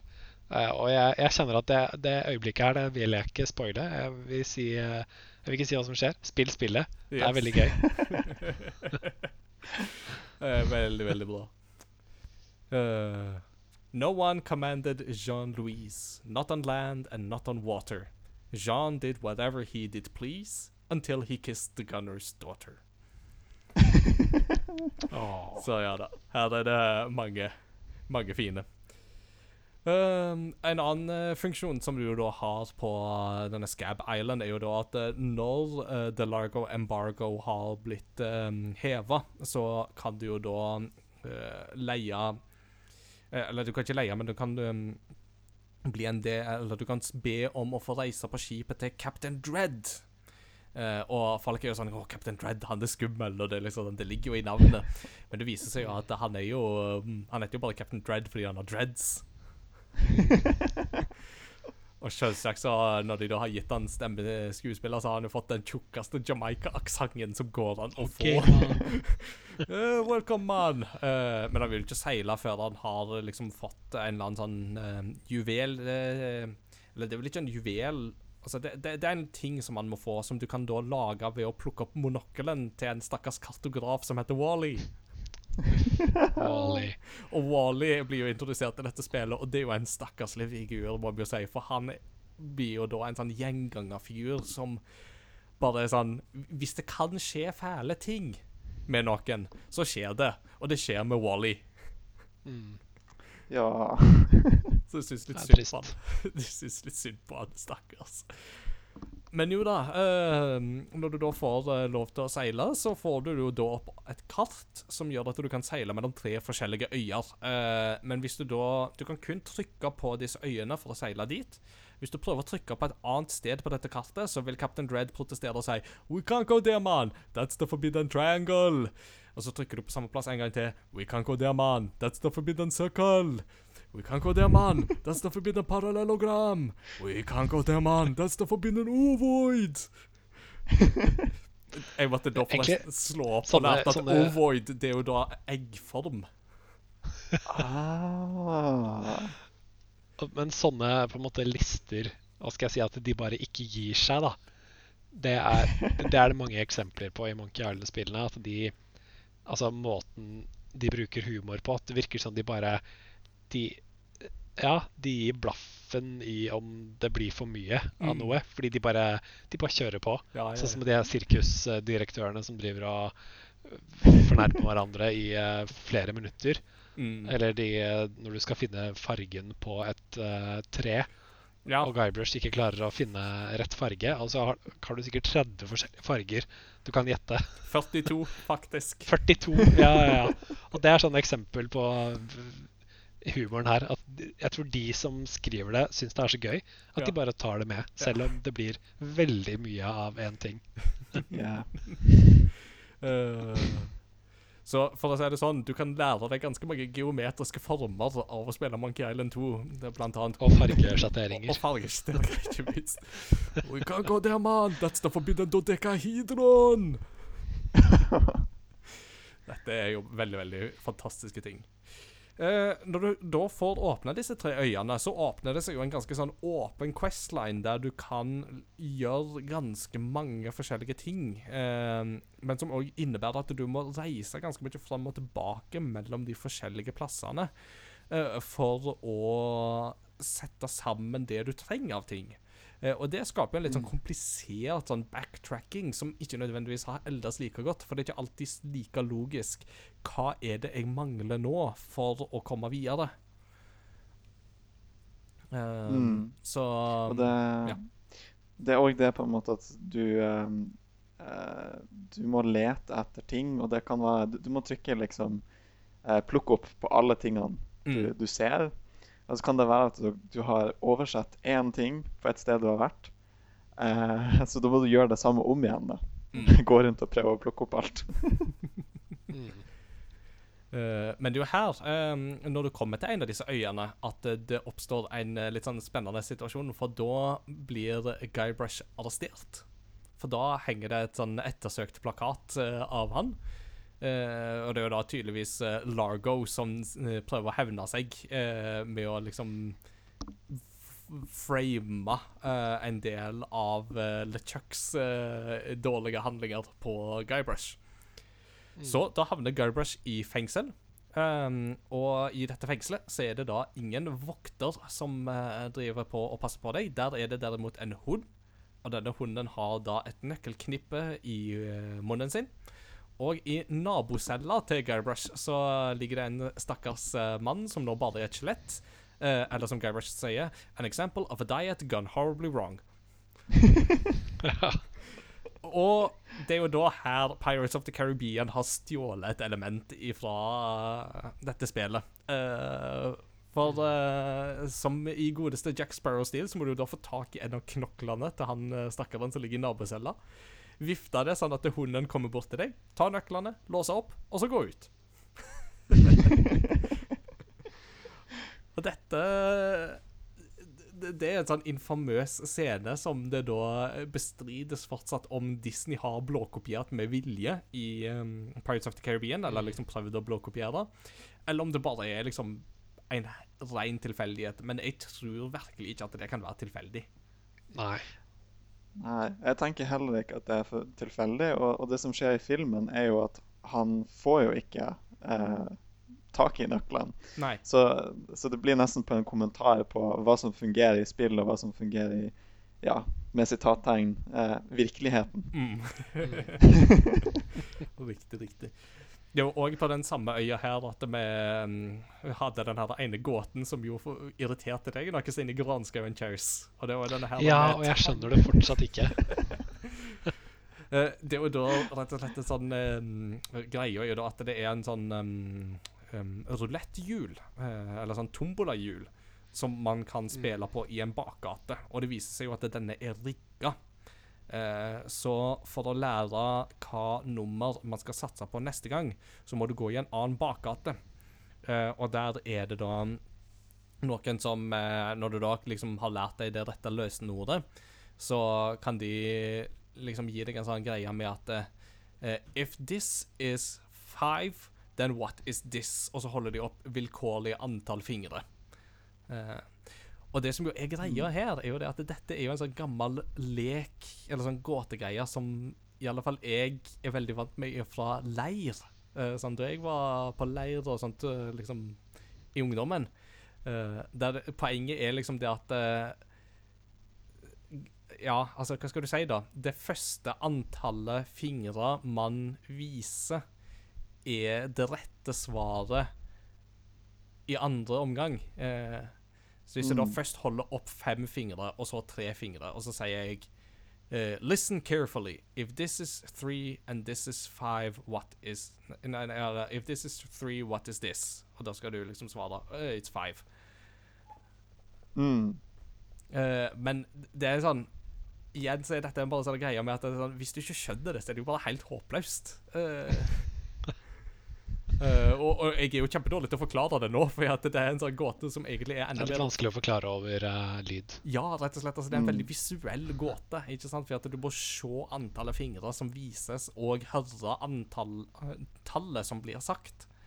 Mm. Uh, Og det er sånn du kan Men, eh, virkelig frustrere deg over. Men det, det var også noe som ble nevnt med eh, lyd, lydkommentarene. Mm. Eh, at uh, det var noe fra barndommen til han Tim Shafer. Uh, der broren hans brukte å plage han med det. Ja, ja, ja. Riktig. Ja. Uh, på en annen av disse øyene så er det jo da sånn såkalt Mardi Gras-fest. Uh, og der kan du jo da òg blant annet gå på innom en butikk for å prøve å kjøpe forskjellige ting. Blant annet så kan du jo da få kjøpt Indies Whip, uh, TM.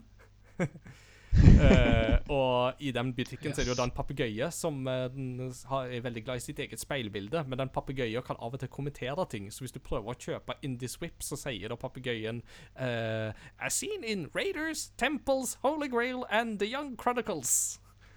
og det er jo da selvsagt en referanse til disse filmene. Som sagt, de er ikke redde for å selvpromotering.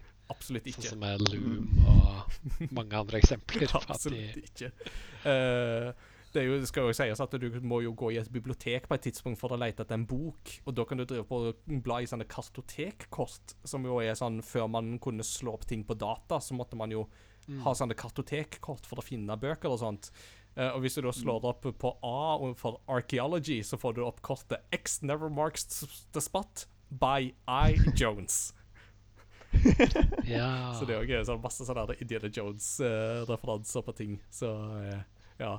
Det er jo der du kan finne kortet uh, biography. Both hands moving. The stand story.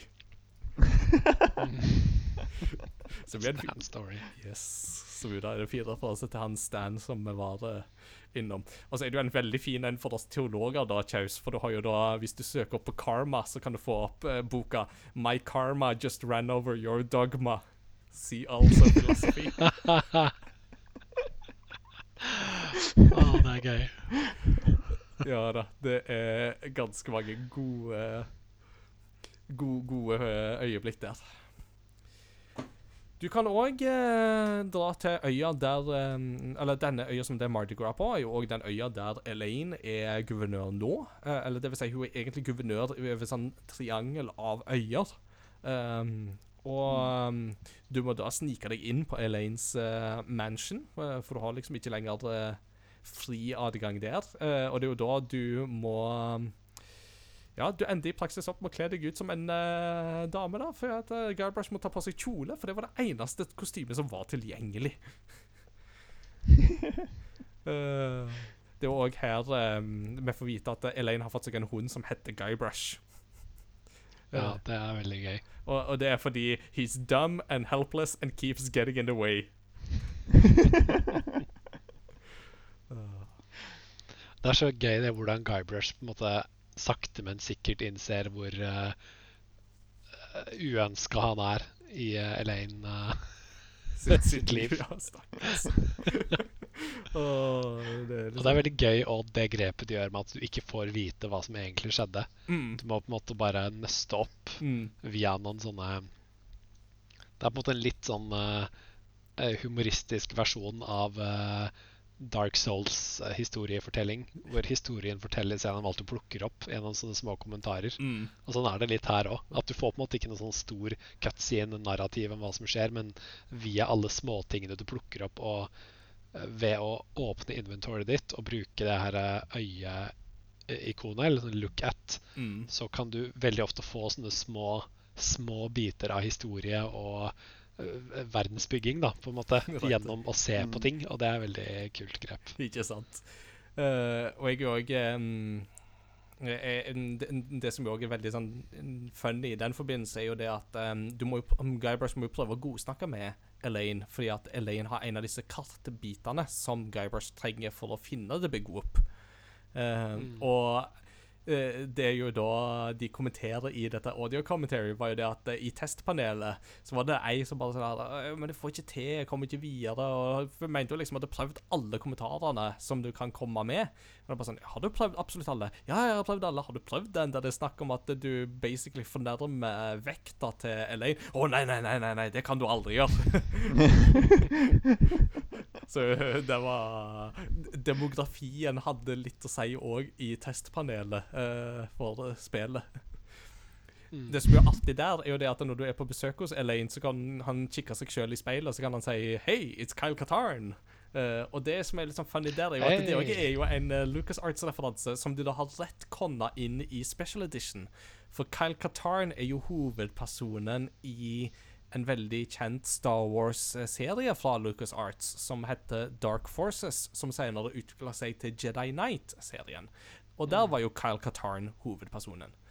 Eh, fun fact i den forbindelse er jo også at uh, Guybrush er jo uh, mulig å spille i Star Wars-spillet Star Wars The Force Unleashed 2, der du kunne ta på deg et Ja. alternativt skin som gjør at du ser ut som Guybrush Threepwood. Så åh, Lucas Arts har en sånn fantastisk sånn der intern vitsing med seg sjøl hele tida som bare er veldig, veldig funny, altså. Mm, Det- enig. Jeg var veldig i Rett før vi starta innspilling nå, så var jeg veldig i uh, Star Wars-modus. Fordi etter uh, Mandalorian uh, eh, sesong to, så har jeg på en måte begynt Jeg dyk, dykker så langt jeg kan ned i Star Wars og ser på YouTube-filmer og hører på Filmpolitiet har en egen podkast om The Mandalorian. Og da, i Oh. dag snakket de om forskjell på canon og legend i Star Wars. Mm, der kan jeg fortelle veldig, veldig mye. Og Kyle Katarn er jo da Legends. Uh, Ja, det er det jeg har skjønt. Han har jo glidd inn i Legends, og det er veldig veldig synd, for Kyle Katarn er kanskje en av de bedre rollefigurene i Mm. Legends-materialet. Eh, så, men, men det får eh, bli en annen podkast, tenker jeg. Eh, Ja, vi tar en egen Mandalorian spesial. Ja, på et eller annet tidspunkt må vi ha en Star Wars-podkast her i, for meg. Um, Eh, en ting som jeg også tenker på, er jo det at en annen kastbit som du kan få tak i, er jo fra eh, kokken Rapscallion, som du da må gjenopplive fra de døde. Og det er Ja. du får noen sånne fantastiske ting med at du bare sånn eh, Sorry å si det, men eh, du er død. Hæ? Eh, og det, du kan få opp ganske mange sånne fine eufemismer for død. Eh, blant annet You're deader than dirt. Your life is well done. You've shivered your last timber. well. You're the prep cook at the pearly gates. You're two weeks past the expiration date. Uh, la meg slå opp litt flere. Uh, cold as leftover pork chops. Det skal jo sies at Rapscallion er jo kokk, så det er jo bra at veldig mange av disse eufemismene er matrelaterte. Ja, det er veldig Og det er ty veldig typisk eh, for humoren igjen. Crusty as a stale bun. og det, og det syns jeg det er også et sånn veldig morsomt uh, når han da uh, Litt sånn der i Spirit Fair-stil, så må du eh, For at han skal hjelpe deg, så må du på en måte hjelpe han med det ene uløste dilemmaet i hans liv. Ja. for at han på en måte skal finne fred. Og så liksom tenker du oi, hva er det på en måte hva er det store uoppgjorte spørsmålet i denne kokkens liv? Og så spør du om det, hva kan jeg hjelpe deg med? Jo, jeg tror kanskje jeg lot gassen stå på i restauranten min. Og så drar du til denne pølsekiosken som han eh, holdt til, og der står jo gassen på. Så skrur du av gassen, og da har du på en måte Det var det, var det han trengte for å finne fred. Mm, ikke sant? Oh, det er så fint. Det er så fint. Eh, og en uh, tredje kastebit som du da må få tak i, det er jo da en uh, etterkommer av en, en pirat som du har. Og for å komme deg til hans del av øya, så må du gjennom en hemmelig tunnel.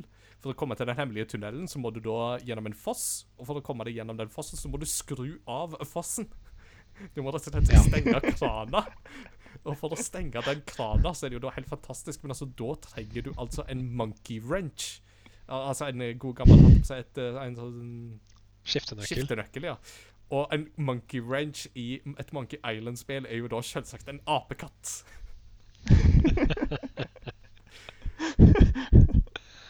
Som er god til å skru. ja, ja, ja. Uh, og bare det faktum at du kan plukke opp denne apekatten på en annen øy, og så ta den inn i liksom flakkeldomma di, og så bare sånn Ja, ja, nå er han der. Og så har du den med deg. Du tar jo òg på et tidspunkt opp med deg Guybrush the Dog og bare liksom putter den opp i bukselomma. Det er sant, det. Det For å finne den derre gopheren. Ja, det, du skal finne en kartbit, er det vel? Ja, det er det. Ja, som har Ja. havna i en sånn haug med andre papirer. Uh, Mm. Det er jo da rett etter at du har lært deg eh, knokkelsangen om the head bones connected to the hip bone, the hip bones connected to the arm bone. Som er en sånn veldig veldig rar metascene. Men uh, Guybrush har basically en drøm der han ser sine avdøde foreldre som uh, synger om hvordan knoklene henger sammen, og det henger ikke på greip helt til du kommer til senere i spillet, der du får veldig bruk for eh, den teksten. Uh, det er sånn, ja, ja. Ehm, ja, hva annet skal vi si om uh, Monkey Island 2, da? Det er jo eh, Igjen, altså, det, det, det er bare sånn Du merker på en måte at her har de på en måte finpussa formelen fra Monkey Island 1 ytterligere. Uh, Punsa kommer bedre, gåtene er langt på vei bedre, selv om det er veldig mye backtracking. Ehm, og og det er jo lengre òg, som de jo gjør et poeng ut av. Why did we make this game so long? um, Og jeg ble litt overraska da Jeg husker ikke helt Ja, det var vel etter at du hadde fått kartbitene, og så For iallfall på et tidspunkt var jeg ganske sikker på at spillet var ferdig. mm, Eller nå kommer jeg inn i siste scene, og så er det ganske mye lenger. mm, Uh, og det er, det, det er sånn et, et, flere ganger i dette spillet hvor de enten i kommentatorspor eller innad i spillet så kommenterer de på ting som du sitter og tenker på. mm. Eh, at det her ble litt langt, eller det her ble litt dumt. Uh, et annet eksempel på det er jo Det er litt tilbake til det første spillet, da, men en ting som irriterte meg veldig mye, det er at når du skal ro mellom rundt den derre Det er vel Monkey Island du er Ja. på på slutten, så tar det så fryktelig lang tid. Og du må liksom trykke et sted på kartet, og så bare Så ror han, ikke sant. Og det bare tar så lang tid å komme fram. Og så eh, kommer det et tidspunkt hvor du skal ro liksom enda en lang distanse til, og da kommer det bare opp sånn svart skjerm med hvit tekst sånn 'After some more furious paddling'. og det er bare spillskaperne sier til deg 'Vi veit at dere syns dette er irriterende'. uh, vi, vi har jo glemt å snakke om en viktig gåt, eller en sånn viktig del av eh, Monkey Island 2, og det er jo spyttekonkurransen. Ja. Der du da basically har en av disse øyene må jo da vinne en spyttekonkurranse. Som da innebærer for det første at du må jukse. Eh, du må distrahere publikum, sånn at du kan omplassere flagget som markerer hvor rekorden er. Uh, og for det andre så må du da innta en cocktail som forbedrer spyttet ditt. Og for det tredje så må du da ta hensyn til vinden. Mm. Og det er Men bare hele konseptet med en spyttekonkurranse er jo uh, nasty nok i seg sjøl, men det er sånn Ja ja, det var Der du kan in, eh, mm, kalle deg sjøl for The Flem Master. Og det, det er jo også noe som er litt sånn interessant, at uh, stemmeskuespillet har jo lagt noe til den scenen med at det er litt eh, um, Det er litt ekstra ekkelt når du kan høre harking. Ja. det er ikke så deilig. Um, men så nevnte du jo Men så nevnte vi òg i stad på denne her uh, gåten med masse farger. For det er jo sånn at etter hvert som du jo kommer deg videre til denne øya der The Big Whoop uh, angivelig skal befinne seg, eh, som du jo kommer til etter at du har vært på LeChucks øy og slipper unna hans diaboliske felle. Eh, så møter du på Herman Toothrot igjen, eh, og han har jo nå blitt eh, sånn eh, hva skal du si da? Han har blitt nærmest en slags sånn guru. han eh, som liksom skal lære deg liksom om det øde livets eh, mysterier i sånn neo-cartesian, new confusionism eh, zen. Eh, eller sånn der sammenblanding av masse ting. Og da, da har da kommet med gåten som du skal lure på. If a tree falls in the forest and nobody is around to hear it, what color is the tree? Mm. Og det er her du kan gå gjennom en rekke svaralternativ, og til slutt kan du velge at svaret er all of them. Uh, and what has this lesson taught you? That philosophy isn't really worth my time? I'm amazed! It takes most people several years to learn that. Og så har vi jo da den uh, myteomspunne slutten i Monkey Island 2, som jo er en merkelig sekvens, uh, og som da folk uh, nok blir litt sånn uenige i om de forstår eller ikke, og om de liker den eller ikke. Og den tror jeg vi skal la ligge, uh, og bare la folk få oppleve sjøl og gjøre seg opp en Ja. men mening om. Mm. Eh, og da tenker jeg vi går videre til det siste spillet vi har spilt, nemlig The Curse of Monkey Island, som ble lansert i 1997. Det var jo da det første spillet som faktisk hadde stemmeskuespill da det kom ut. Eh, noe som jo annet skyldtes at nå gikk man over til CD-rom, som ga mye mer muligheter. Eh, det gjør jo òg at spillet har en sånn animert stil. Altså, det ser jo egentlig ut som en tegnefilm. Eh, og i tillegg så har det jo fulgt med stemmeskuespill. Det har mer musikk, uh, og det har filmsekvenser og masse annet snacks å by på. I Curse of Monkey Island 3 så må da um, Guybrush um, uh, Så, får Guybrush endelig motet til seg til å fri til Elaine etter at uh, LeChuck nok en gang har prøvd seg på å vinne hennes hjerte. Uh, Guybrush har fått tak i en diamantring fra LeChucks uh, skip og setter den på fingeren til Elaine. Det skulle han ikke ha gjort, for da blir hun til gull. Uh, og Guybrush må da redde Elaine fra denne forbannelsen. Uh, og komme uh, LeChuck i forkjøpet, for LeChuck vil jo selvsagt òg gjøre det samme. Så, Kjetil, dette var jo spillet der du gikk tilbake til en gammel klassiker. og Hvordan føltes det? Nei, det, det første jeg tenkte på, er at grafikken er uh, akkurat like bra. Det er jo en sånn grafikkstil som ikke har eldes. Uh, det vil si hvis man legger inn en enkel patch som på en måte skalerer det opp til moderne oppløsning, sånn at teksten f.eks. ikke blir sånn uh, hakkete og rar, men at uh, det funka iallfall veldig bra for min del å, å patche det. Mm. Uh, og da blir grafikken kjempefin. Uh, og jeg syns også det var gøy å, å, se at jeg fortsatt huska mange av løsningene på gåtene med en gang. Selv om det er ganske mange år siden jeg spilte det sist. Mm. Og at det var med en gang jeg på en måte kom inn i et rom, så bare så Ja, jeg veit at den skal der, og den skal der, og du skal snakke med den, og bort dit, og sånt. Mm. Det som jo er litt sånn interessant um, her, er jo det at um, dette er jo òg et spill som um, original, Den originale trioen med Ron og Dave og Tim ikke var involvert. Uh, for de var jo da gått videre til andre prosjekt i løpet av disse årene. Uh, og Ron hadde vel òg forlatt Lucas Arts på det tidspunktet. Så dette er jo et helt nytt crew som lager. Uh, men Mm. det er likevel påfallende å merke hvor bra de har naila den der Monkey Island-følelsen likevel.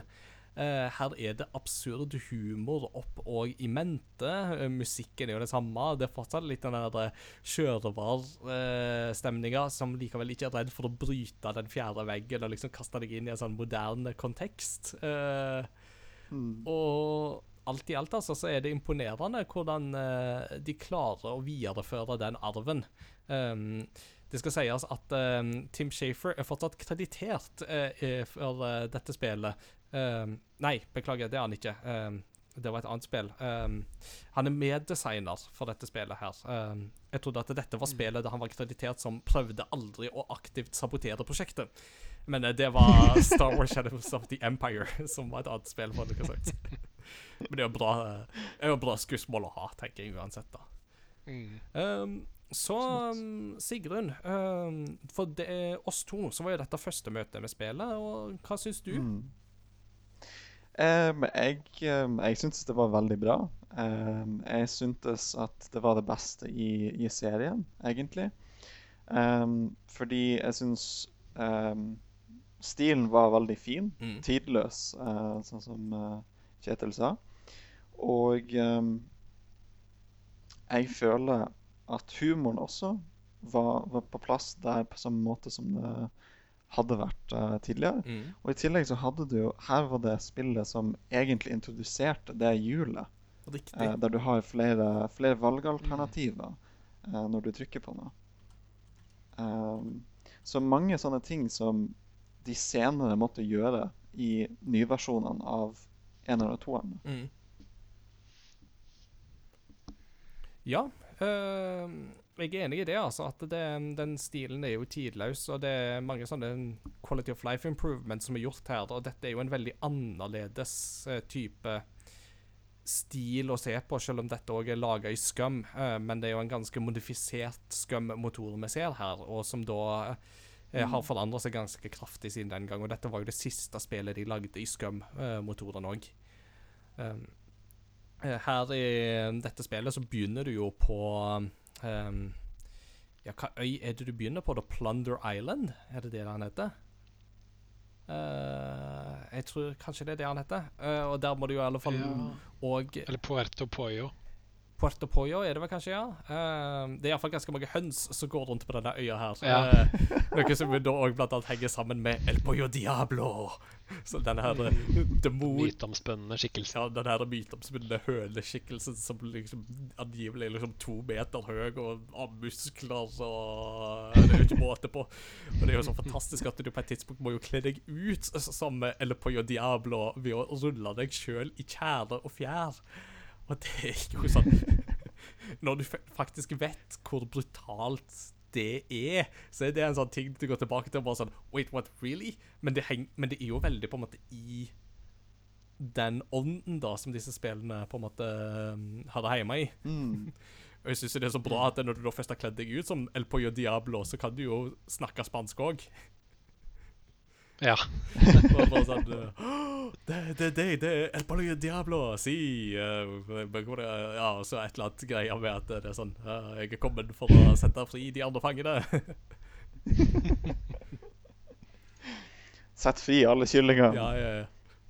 Mm. Uh, dette er jo også et sånt spill som har sånn, en veldig sånn fin element av underdrivelser. Um, for det er jo en rollefigur som går igjen i alle disse spillene, er jo The Voodoo Lady. Eh, som er sånn Ja. dame som uh, Hun har blant annet hjelper deg med å koke sammen den der ingefærøl-cocktailen og uh, lage sånne love potions og diverse ymse. Um, og i dette spillet så har hun jo en sånn sekvens på at Nei, nei, hun har når hun drev på å flytte igjen, liksom, var det bare sånn der Ja, og jeg er nå her med familien. Ja, vil du forresten se familiebildene mine? Og da er det sånn Uansett så kan du liksom Da kan du velge liksom sånn Nei, nei, nei, nei absolutt ikke. Uh, for the love of all that's good and holy, no.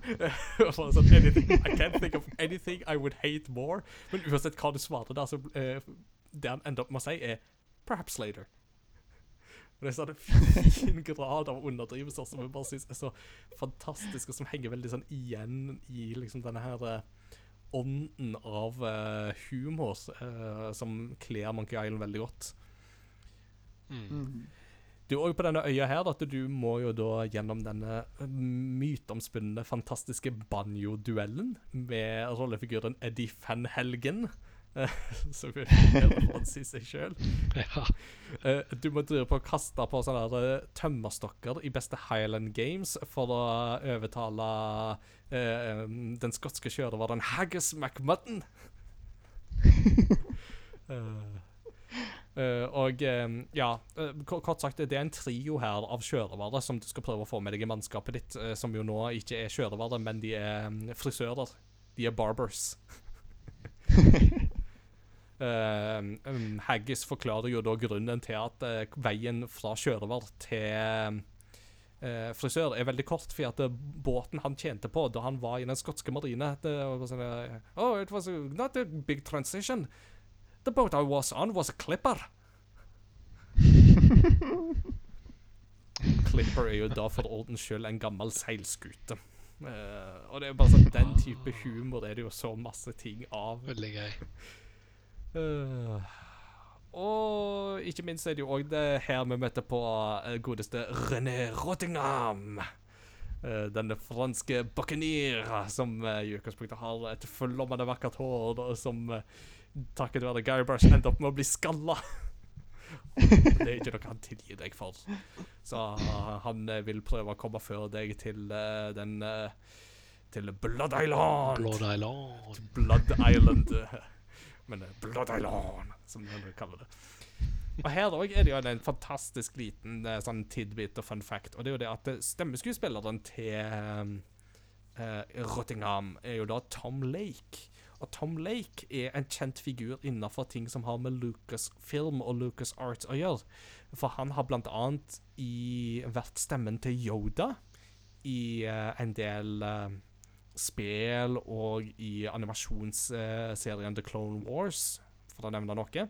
og eh, Ja. alle som har sett Clone Wars-TV-serien, har hørt Tom Lake. For han er den som har stemmen til denne her, eh, hva skal du si, filmavisen som åpner alle episodene i Clone Wars. Så for, for hver episode åpner jo med en sånn stemme som høres ut som man er tatt ut fra filmavisen. Så er det sånn Trapped on Moncala, General Skywalker and Kenobi rushes to the rescue. Det er Tom Lake. Og det er veldig vanskelig å tenke at det er samme mann som snakker om Oh, you have trapped me. I must go to Blood alone Det er altså veldig gøy det, altså det du må gjøre for å få han For han sitter i frisørstolen uh, hos disse piratene, Mm. som uh, nå er frisører. Og du vil, du vil bli klipt, du òg. Og da må du finne en måte få han til å fjerne seg på. Og da er det jo ved å plante lus i den kammen som brukes til å gre Ja. Og når han Haggis McMutton oppdager de eh, oppdager lus, så har han på en måte en sånn lang rekke med skjellsord. Hvor han sier sånn her The cursed headworm in the scourge of every hy hygienic sailor of the seven seas. De er veldig opptatt av hygiene. Ja, ja. Uh, og da er det jo bare én ting å det gjøre. eh, Og da er det et eller annet sånn herre Hair demons. og noen greier. Det er veldig mange tilnavn på lus. Mm. Mm. Så da går håret. Det er eneste tinget det gjør. Det må kuttes rett av. Uh, det må amputeres, mer eller mindre. Det tilgir ikke Rottingham deg for med det første. Nei, han ser ganske stilig ut skalla. Ja, ja, han gjør det. Og så må du jo få tak i kartet, og det er jo nesten en brutal måte du må gjøre det på. For det er jo da tatovert på Ja. ryggen til en eh, agent som har to skuespillere som eh, er på den lo lokale teateret og framfører sånn Shakespeare for Pirates. Som eh, basically er sånn derre eh, Shakespeare, bare en sånn oppjassa variant. Så det er der du blant annet får ting som for eksempel The famous cannonball juggling scene from Romeo and Juliet. Noen kunstneriske friheter der. Noen kunstneriske friheter. Eh, og ja, du, du må jo rett og slett basically Du må frityrsteike ryggen hans fordi at han er så bleik. Uh, og så, sånn at du da etterpå kan rive av fri laget med fritert hud. og da ta med deg dette kartet rundt omkring etterpå. Det er, jo, det er jo ekkelt, rett og slett. Men det er jo fantastisk. veldig gøy. Det, det er nok det mest morbide i, eh, i de her tre spillene. Mm. uh, så da er det jo ut og seile, da, uh, etterpå. Uh, men Rottingham kommer jo og stjeler dette kartet, som jo er så ekkelt. Og du er da veldig opptatt av at da må en jo seile etter Rottingham. Um, for Rottingham beseirer deg i duell, og det er jo her du lærte deg det at når du er på havet, så holder det ikke å komme med fornærmelser. Da må du komme med fornærmelser prim. rim. og det var her du fikk denne her Hva var det du snakket om? Uh, Monkley Ja, nå husker jeg svaret. Ja, uh, la oss ta høre hele. Uh, you are as repulsive as a monkey in a negligee. Og så svarer man Oh, do I look that much like your fiancé?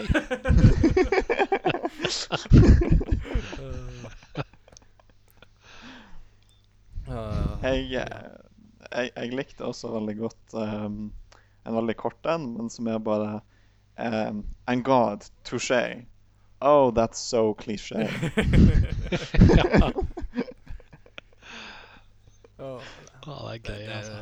mange, mange fine her, altså.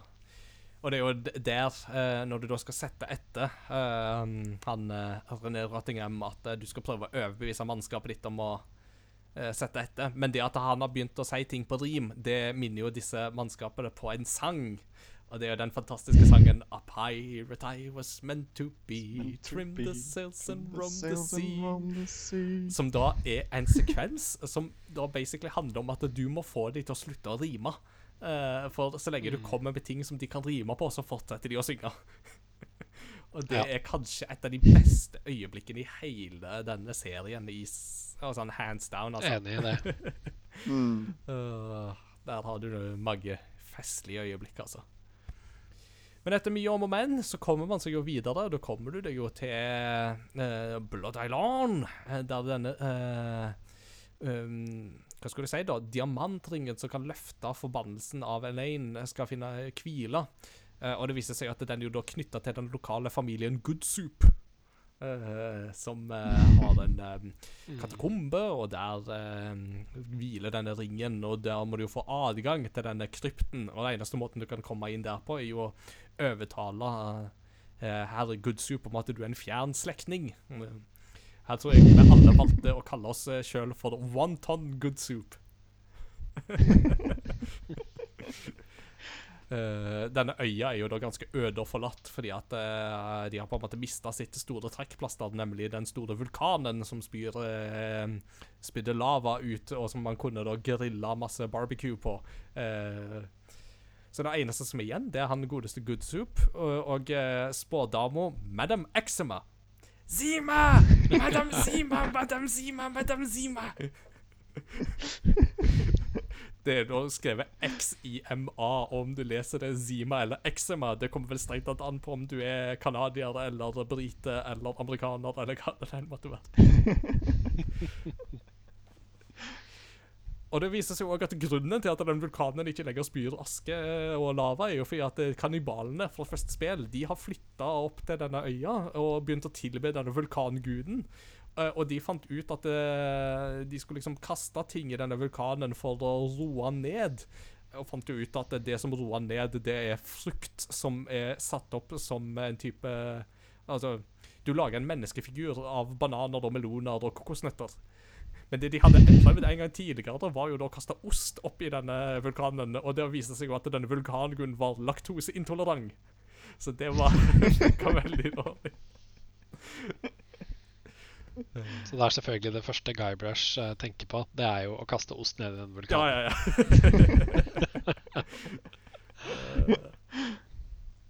Det er jo her og, eh, du finner en sånn fin liten referanse til den gamle TV-serien Gilligan's Island. Fordi at uh, disse kannibalene har jo da noen hodeskaller uh, liggende. Og da blant annet hodeskaller av uh, a, captain, a first mate and a professor.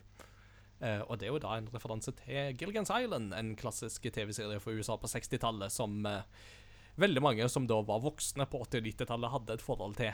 For det var sånn som de så på da de var barn. Ja. Men du må iallfall komme deg inn i denne her krypten til Good Soup.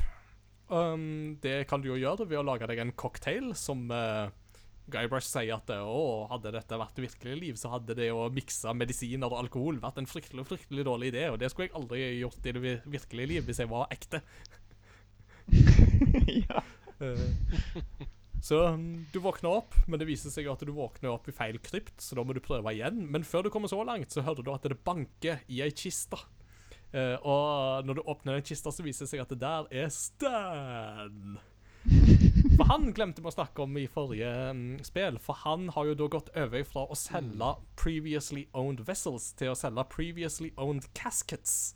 Fordi han fant ut at uh, folk kommer ikke så ofte tilbake og klager på brukte likkister som det de gjør på brukte båter. og i toen så må du da rett og slett stjele en nøkkel fra han, og det gjør du da ved å stenge han inne i ei kiste. Og det er den samme kista som du nå slipper han løs ifra i Monkey Island 3. Men han er ikke bitter, for han har fått veldig god tid til å tenke seg om når han har vært der, og det betyr at eh, nå begynner han med en ny bedrift, og det er da rett og slett livsforsikring. ja. Så da eh, går det jo som det går. Du eh, får til slutt tak i denne ringen, og du får eh, befridd Elaine, men ikke før LeChuck kidnapper deg igjen. Du blir kasta en forbannelse på. Du må bryte denne forbannelsen, og du må slåss mot LeChuck en gang til. Og det er omtrentlig sånn det går. Og det slutter faktisk med at Guybrush og Elaine gifter seg i slutten av tredje Ja. spill, og det er så fint at det Hmm, så da gikk det jo bra til slutt. det gjorde Ja det. Er det da noe mer vi skulle ha nevnt om Monkey Island 3 som vi ikke har vært innom? Mm. Ikke det jeg kommer på, egentlig, annet enn um, Jeg kom på med, med måten de forenkla eh, spillet på. Det var jo også med å redusere mengden eh, handlinger du kunne gjøre Mm. eh, til tre. Ja. Og det gjør det, Det mye sant. lettere. eh, å spille eh, Monkey Island 3. Så jeg føler at både er det nok det beste spillet i serien for meg, men også mest sannsynlig det letteste å komme inn i, Mm. føler jeg. Mm. Um, Jeg vil anbefale Det kommer jo litt uh, Altså ehm, til Det vi skal snakke om etterpå, om spillet er verdt å gå tilbake til, så vil jeg jo si at uh, hvis man skal gå tilbake til Monkey Island, så start med treeren. For det er Ja, jeg tror det er liksom en god introduksjon til serien. da, Og så funker eneren og toeren veldig bra som sånne prequels Mm. til treeren. Det er ikke dumt tenkte jeg. det. Um, en ting som jeg jo tenkte på, var jo det at um, her var det jo du, Chaus, i 3-en som påpekte at uh, her var det en intern referanse til et annet Lucas Arts-spill, nemlig spillet Zombies Ate My Neighbor. Ja. For uh, det viste seg at uh, han graveren, Mort Mort. Veldig bra navn på en graver. Har jo da en bok som heter Zombies Ate My Neighbor. Og det er jo da et uh, spill som LucasArts lagde til Super Nintendo og Sega Megadrive, hvis jeg ikke har, eller hvis jeg har skjønt det riktig. Mm. Så Og det er jo et av de spillene vi har Altså I disse samlingene med retrospillauget så har vi hatt ganske mange sånne eh, avsporinger. Ganske mange ekskurs. hvor vi har eh, diskutert andre spill og endt opp et helt annet sted enn eh, enn Monkey Island. Og dette var et av disse uh, sidesporene. da. Men et relevant sidespor må vi jo nevne. Ja, det har det. Men uh, la oss da har, For de som nå har sittet og faktisk hørt på oss hele veien Godt jobba forresten til dere som har gjort det. Så er jo da spørsmålet Er Monkey Island spill som er verdt å gå tilbake til igjen i dag? Uh, det er et sånt spørsmål vi alltid stiller i Retrospellauget uh, når vi tar opp disse episodene. Eh, og Chaus, du, du Du stiller deg litt i tvil.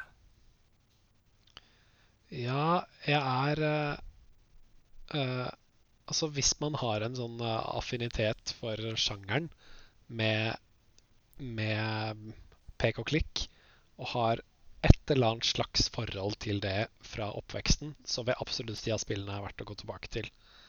Men hvis du aldri har spilt i et pek og klikk-spill, så kan jeg se for meg at det blir litt tungt å gå i gang med Monkey Island. Eh, Fordi hvis man skal sammenligne pek og klikk-sjangeren med noe i dag, så vil det vel være sånn det man kaller for walking simulator-spill. Mm. Mm. Eller eh, eventuelt adventure-spill som har en del elementer fra pek og klikk. LA Eh, Noir. Men de har på en måte Ja. og der har du på en måte så veldig mye mer eh, som skjer, da. Veldig, du får på en måte mer stimuli. Mm. Mens dette er jo et, på mange måter et saktegående spill som kanskje ikke er så Mm. tilgjengelig hvis du på en måte vet at Monkey Island er en greie, Mm. eller um, ja, Mm. har et forhold til fra før. Ja. ja, nei, jeg syns det er Mm. interessante tekst på det. Sigrun, hva tenker du? Uh, jo, jeg tenker ehm, jeg, jeg sier meg enig i det. Jeg tenker at det avhenger av hvem man spør. Eh, det, er ikke, det er ikke noe for alle, føler jeg. Eh, men allikevel ehm, Jeg tenkte først og fremst på spillhistorie, Mm. eksempel. Altså de som ikke har opplevd et pek og klikk-spill. Jeg vil si at Monkey Island-spillene, spesielt i remastera eller ny, nyutgaver, og, og treeren, de er nok mye mer tilgjengelige og snille eh, enn mange andre pek og klikk-spill der ute. Mm. Så, så det å oppleve liksom hvordan spill var før, og spesielt med de her nye versjonene der du kan skru på retromodus og få den gamle grafikken, det må være litt sånn interessant for de som kanskje har vokst opp med jeg vet ikke, PlayStation 3 eller ikke sant? Mm. Um, når um, Jeg merker det med ungdommene som jeg har på, på skolen òg. Der jeg, jeg kan snakke om noen spill som jeg spilte på PlayStation 2. Mm. Og det, nei, nei, det, det var før de ble født. Ja. det er så rart, det der. utvikling. Så altså, det tenker jeg Mm. eh, ja, Nei, jeg skulle bare si at utviklinga går jo fort, og det poengterer de jo i kommentarsporet på Monkey Island 2 òg, med at plutselig så hadde de jo så mange flere farger å operere med, og det var jo bare sånn Inhouse-artisten som var bare sånn Hva skal jeg med så mange farger? Jeg trenger jo ikke så mange farger, det er jo ubrukelig. vanskelig å vite hva man skal gjøre med nye ting. Mm. Um, men jeg, jeg tenker også det andre punktet som jeg tenkte, var uh, humoren. Um, det, det er ikke nødvendigvis noe som alle kan sette pris på, men uh, spesielt de som har et godt grep om engelsk, og de som er glad i humoren til Monty Python og, og lignende britisk humor, uh, vil finne mye glede i, i spillet. Mm. Ja, jeg, eh, jeg syns dere kommer med veldig gode poeng begge to her. Og jeg vil si det, altså, at det, mm, jeg syns absolutt at Monkey Island fortsetter verdt å gå tilbake til for humoren og sjarmen, og spillhistorisk sett så er det òg kjempeviktige spill. Og bare for å liksom se hvordan humor i spill kan gjøres riktig, så er jo dette er liksom soleklare klassikere på, Ja, på ja. det. Eh, samtidig så er det jo en del med at det går jo litt treigt, sånn som man snakker om. Og dette er spill der jeg er veldig glad for at jeg har internett og kan slå opp veldig lett hva gjør jeg nå. Eh, det er ingen skam å spille disse spillene med en guide eh, ved siden av seg til enhver tid. eh, bare for å få litt fortgang i tempoet. Eh, det tenker jeg at det er det er fortsatt verdt å spille det bare for å oppleve liksom humoren og skjermen og sånt. Så må du jo sjøl avgjøre er det noe jeg skal spille sjøl, eller skal jeg bare se en playthrough. Det må jo du bestemme sjøl, tenker jeg. Men jeg er jo en sånn som liker å spille det sjøl og oppleve det sjøl. Med det, så ja. Ja, jeg, jeg tenker jo også at i eneren og toeren, nyutgaven av dem, så har du også en hintfunksjon Ja, som fungerer ganske bra. Og da, da slipper du å gå ut av spillet, men uh, du kan bare trykke på H, og så får du hint. riktig. Og den er veldig til hjelp. Ja, det var en, eh, en eh, I forlengelsen av det jeg sa om at, at det er en kanskje litt seigt å komme inn i, eh, den pek og klikk-formelen, så vil jeg, hva skal jeg si, eh, kaste ut en tanke til slutten uten å konkludere. Eh, men jeg vil stille spørsmålet er det det at jeg blir så utålmodig når jeg spiller en Monkey Island nå, og jeg, jeg ble på ingen måte det da jeg var liten, Mm. sier det mest om spillet eh, at det har eh, Eller hva, eh, skal jeg si? Spillemediet. At det har forandret seg så mye? Eller sier det noe om at spillmediet har forandret meg? Fordi Hvis dere skjønner forskjellen. Fordi Mm. siden spillmediet har sånne umiddelbare belønningsmekanismer hele tiden, og eh, det skjer hele tiden ting som eh, på en måte sier dem 'nå har du gjort noe riktig', 'nå har du gjort noe Mm. bra'. Det blinker et eller annet, det piper i et eller annet. Altså, det skjer ting hele tiden da, som gir deg tilbakemeldinger. Mens det gjorde de ikke i spill før, da. Fordi gameplay var så enkelt i seg selv, og det var nok til å gjøre at du ble fengsla og satt foran skjermen i time etter Mm. Så det kan jeg kaste ut til Ja. slutt. Er det ja, Er dette en god utvikling, eller er det liksom Har eh, Eller har liksom spillet mista litt av liksom den pure uh, Ja, et, jeg, enkelheten, jeg, jeg tror ikke det bare er et spilleksklusivt uh, problem. Jeg tror at det er jo noe om altså, Samfunnsutviklinga generelt har gått liksom siden Monkey Island var på høyden. Er jo det at Nå skal ting gå veldig mye mer fort. Vi skal ha impulser hele tida. Vi kjeder oss mye fortere og må liksom ha stimuli hele tida. Eh, bare med smarttelefonens inntog så er jo det et veldig godt eksempel på hvordan det har forandret oss. Eh, og Ja, det er jo sånne ting som spiller inn. Og spill som industri gjenspeiler jo dette, eh, men det er ikke spillindustrien alene som har forandra deg på det området, tror jeg. Eh, så det er på en måte vekselseffekter her, med at det, det, industrien har forandra seg, men òg vår Og så har jo vi blitt eldre, det er jo òg noe, men så er det òg bare det at det, det generelle mentaliteten til de fleste av oss har blitt forandra siden den gang. Så bare det at vi har sittet nå og snakka i to timer om Monkey Island, er jo en tålmodighetsprøve for ganske mange der ute, sikkert. ikke sant? Så det er jo sånn ja. Eh, så nei, men jeg syns det var veldig interessant eh, innspill, det. Um, men jeg tenker det at det kan være godt det å gå tilbake til en tid der man ikke hadde den der konstante stimulien, og bare kjenne liksom av og til på at det ta ting i litt roligere tempo. Jeg tror det er, det, det er lurt, det, av og til.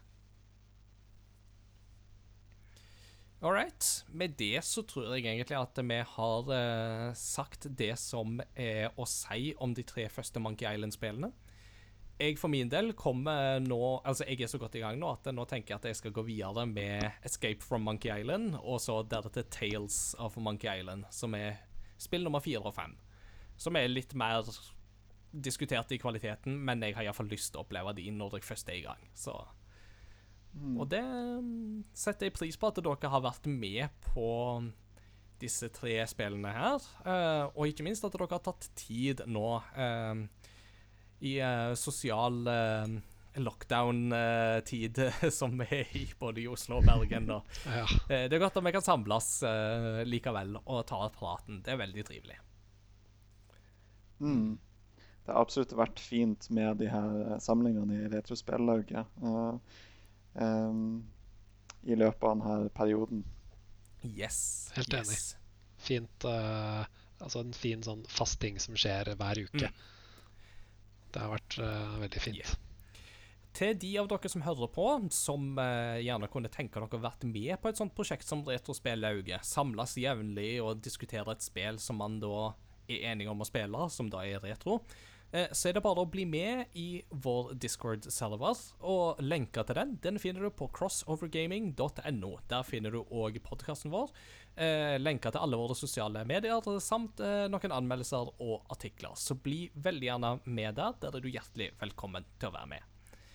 Til slutt så må vi jo da ha et postludium. Det er ikke en Crossover Gaming-episode uten et postludium, og hva annet kan vi vel høre på enn hovedtemaet til Monkey Island-serien, tenker jeg. Det er jo da, som nevnt, Michael Land som står for musikken. Han har komponert musikken i alle de tre første spillene, eh, med litt hjelp her og der, men det er han som er hovedmannen bak de soundtrackene. Og det er jo unektelig en god del av stemninga der. Fun fact, i går så hørte jeg litt på soundtrackene fra YouTube-kanalen Stans Previously Owned Soundtracks. Så det er et fantastisk uh, navn uh, for en YouTube-kanal som da har Monkey Island Soundtracks. Uh, og så kjente jeg mens jeg jobba at jeg ble så søvnig. Og så kom jeg på at ja, men det er jo fordi at dette gir meg assosiasjoner til sydhav og bølger og varme og sommer og avslapping. Så det er ikke rart jeg blir trøtt nå. Så da måtte jeg gå ut av det, og så måtte jeg sette på Doom Eternal-soundtracket i stedet. For det var litt tyngre. da våkna jeg. Men det er ikke det vi skal høre på nå. Nå skal vi høre hovedtemaet fra Curse of Monkey Island, for å være helt spesifikk. Da vil jeg si tusen takk til deg, Sigrun, for at du var med for første gang i en episode. Det har vært, eh, det har vært hyggelig. Mhm. Jeg, eh, jeg har jo vært eh, nervøs, men det er noe som jeg har tenkt på at jeg har hatt lyst til å gjøre. Veldig veldig trivelig å ha deg med. Eh, alltid en glede. Det Og takk til deg òg, Kjetil, for at du var med. Nå tror jeg du er den av våre gjester som har vært med flest ganger. Enten deg eller Peter, jeg vet ikke helt. men eh, dere får ha en holmgang på det når vi kan eh, møtes igjen i samme rom med mindre enn én meters avstand. Eller to meter, eller fem meter, eller hva det nå enn er nå. Who knows. Takk for i dag. Vi snakkes ved neste korsvei. Ha det bra. Ha det bra. Det.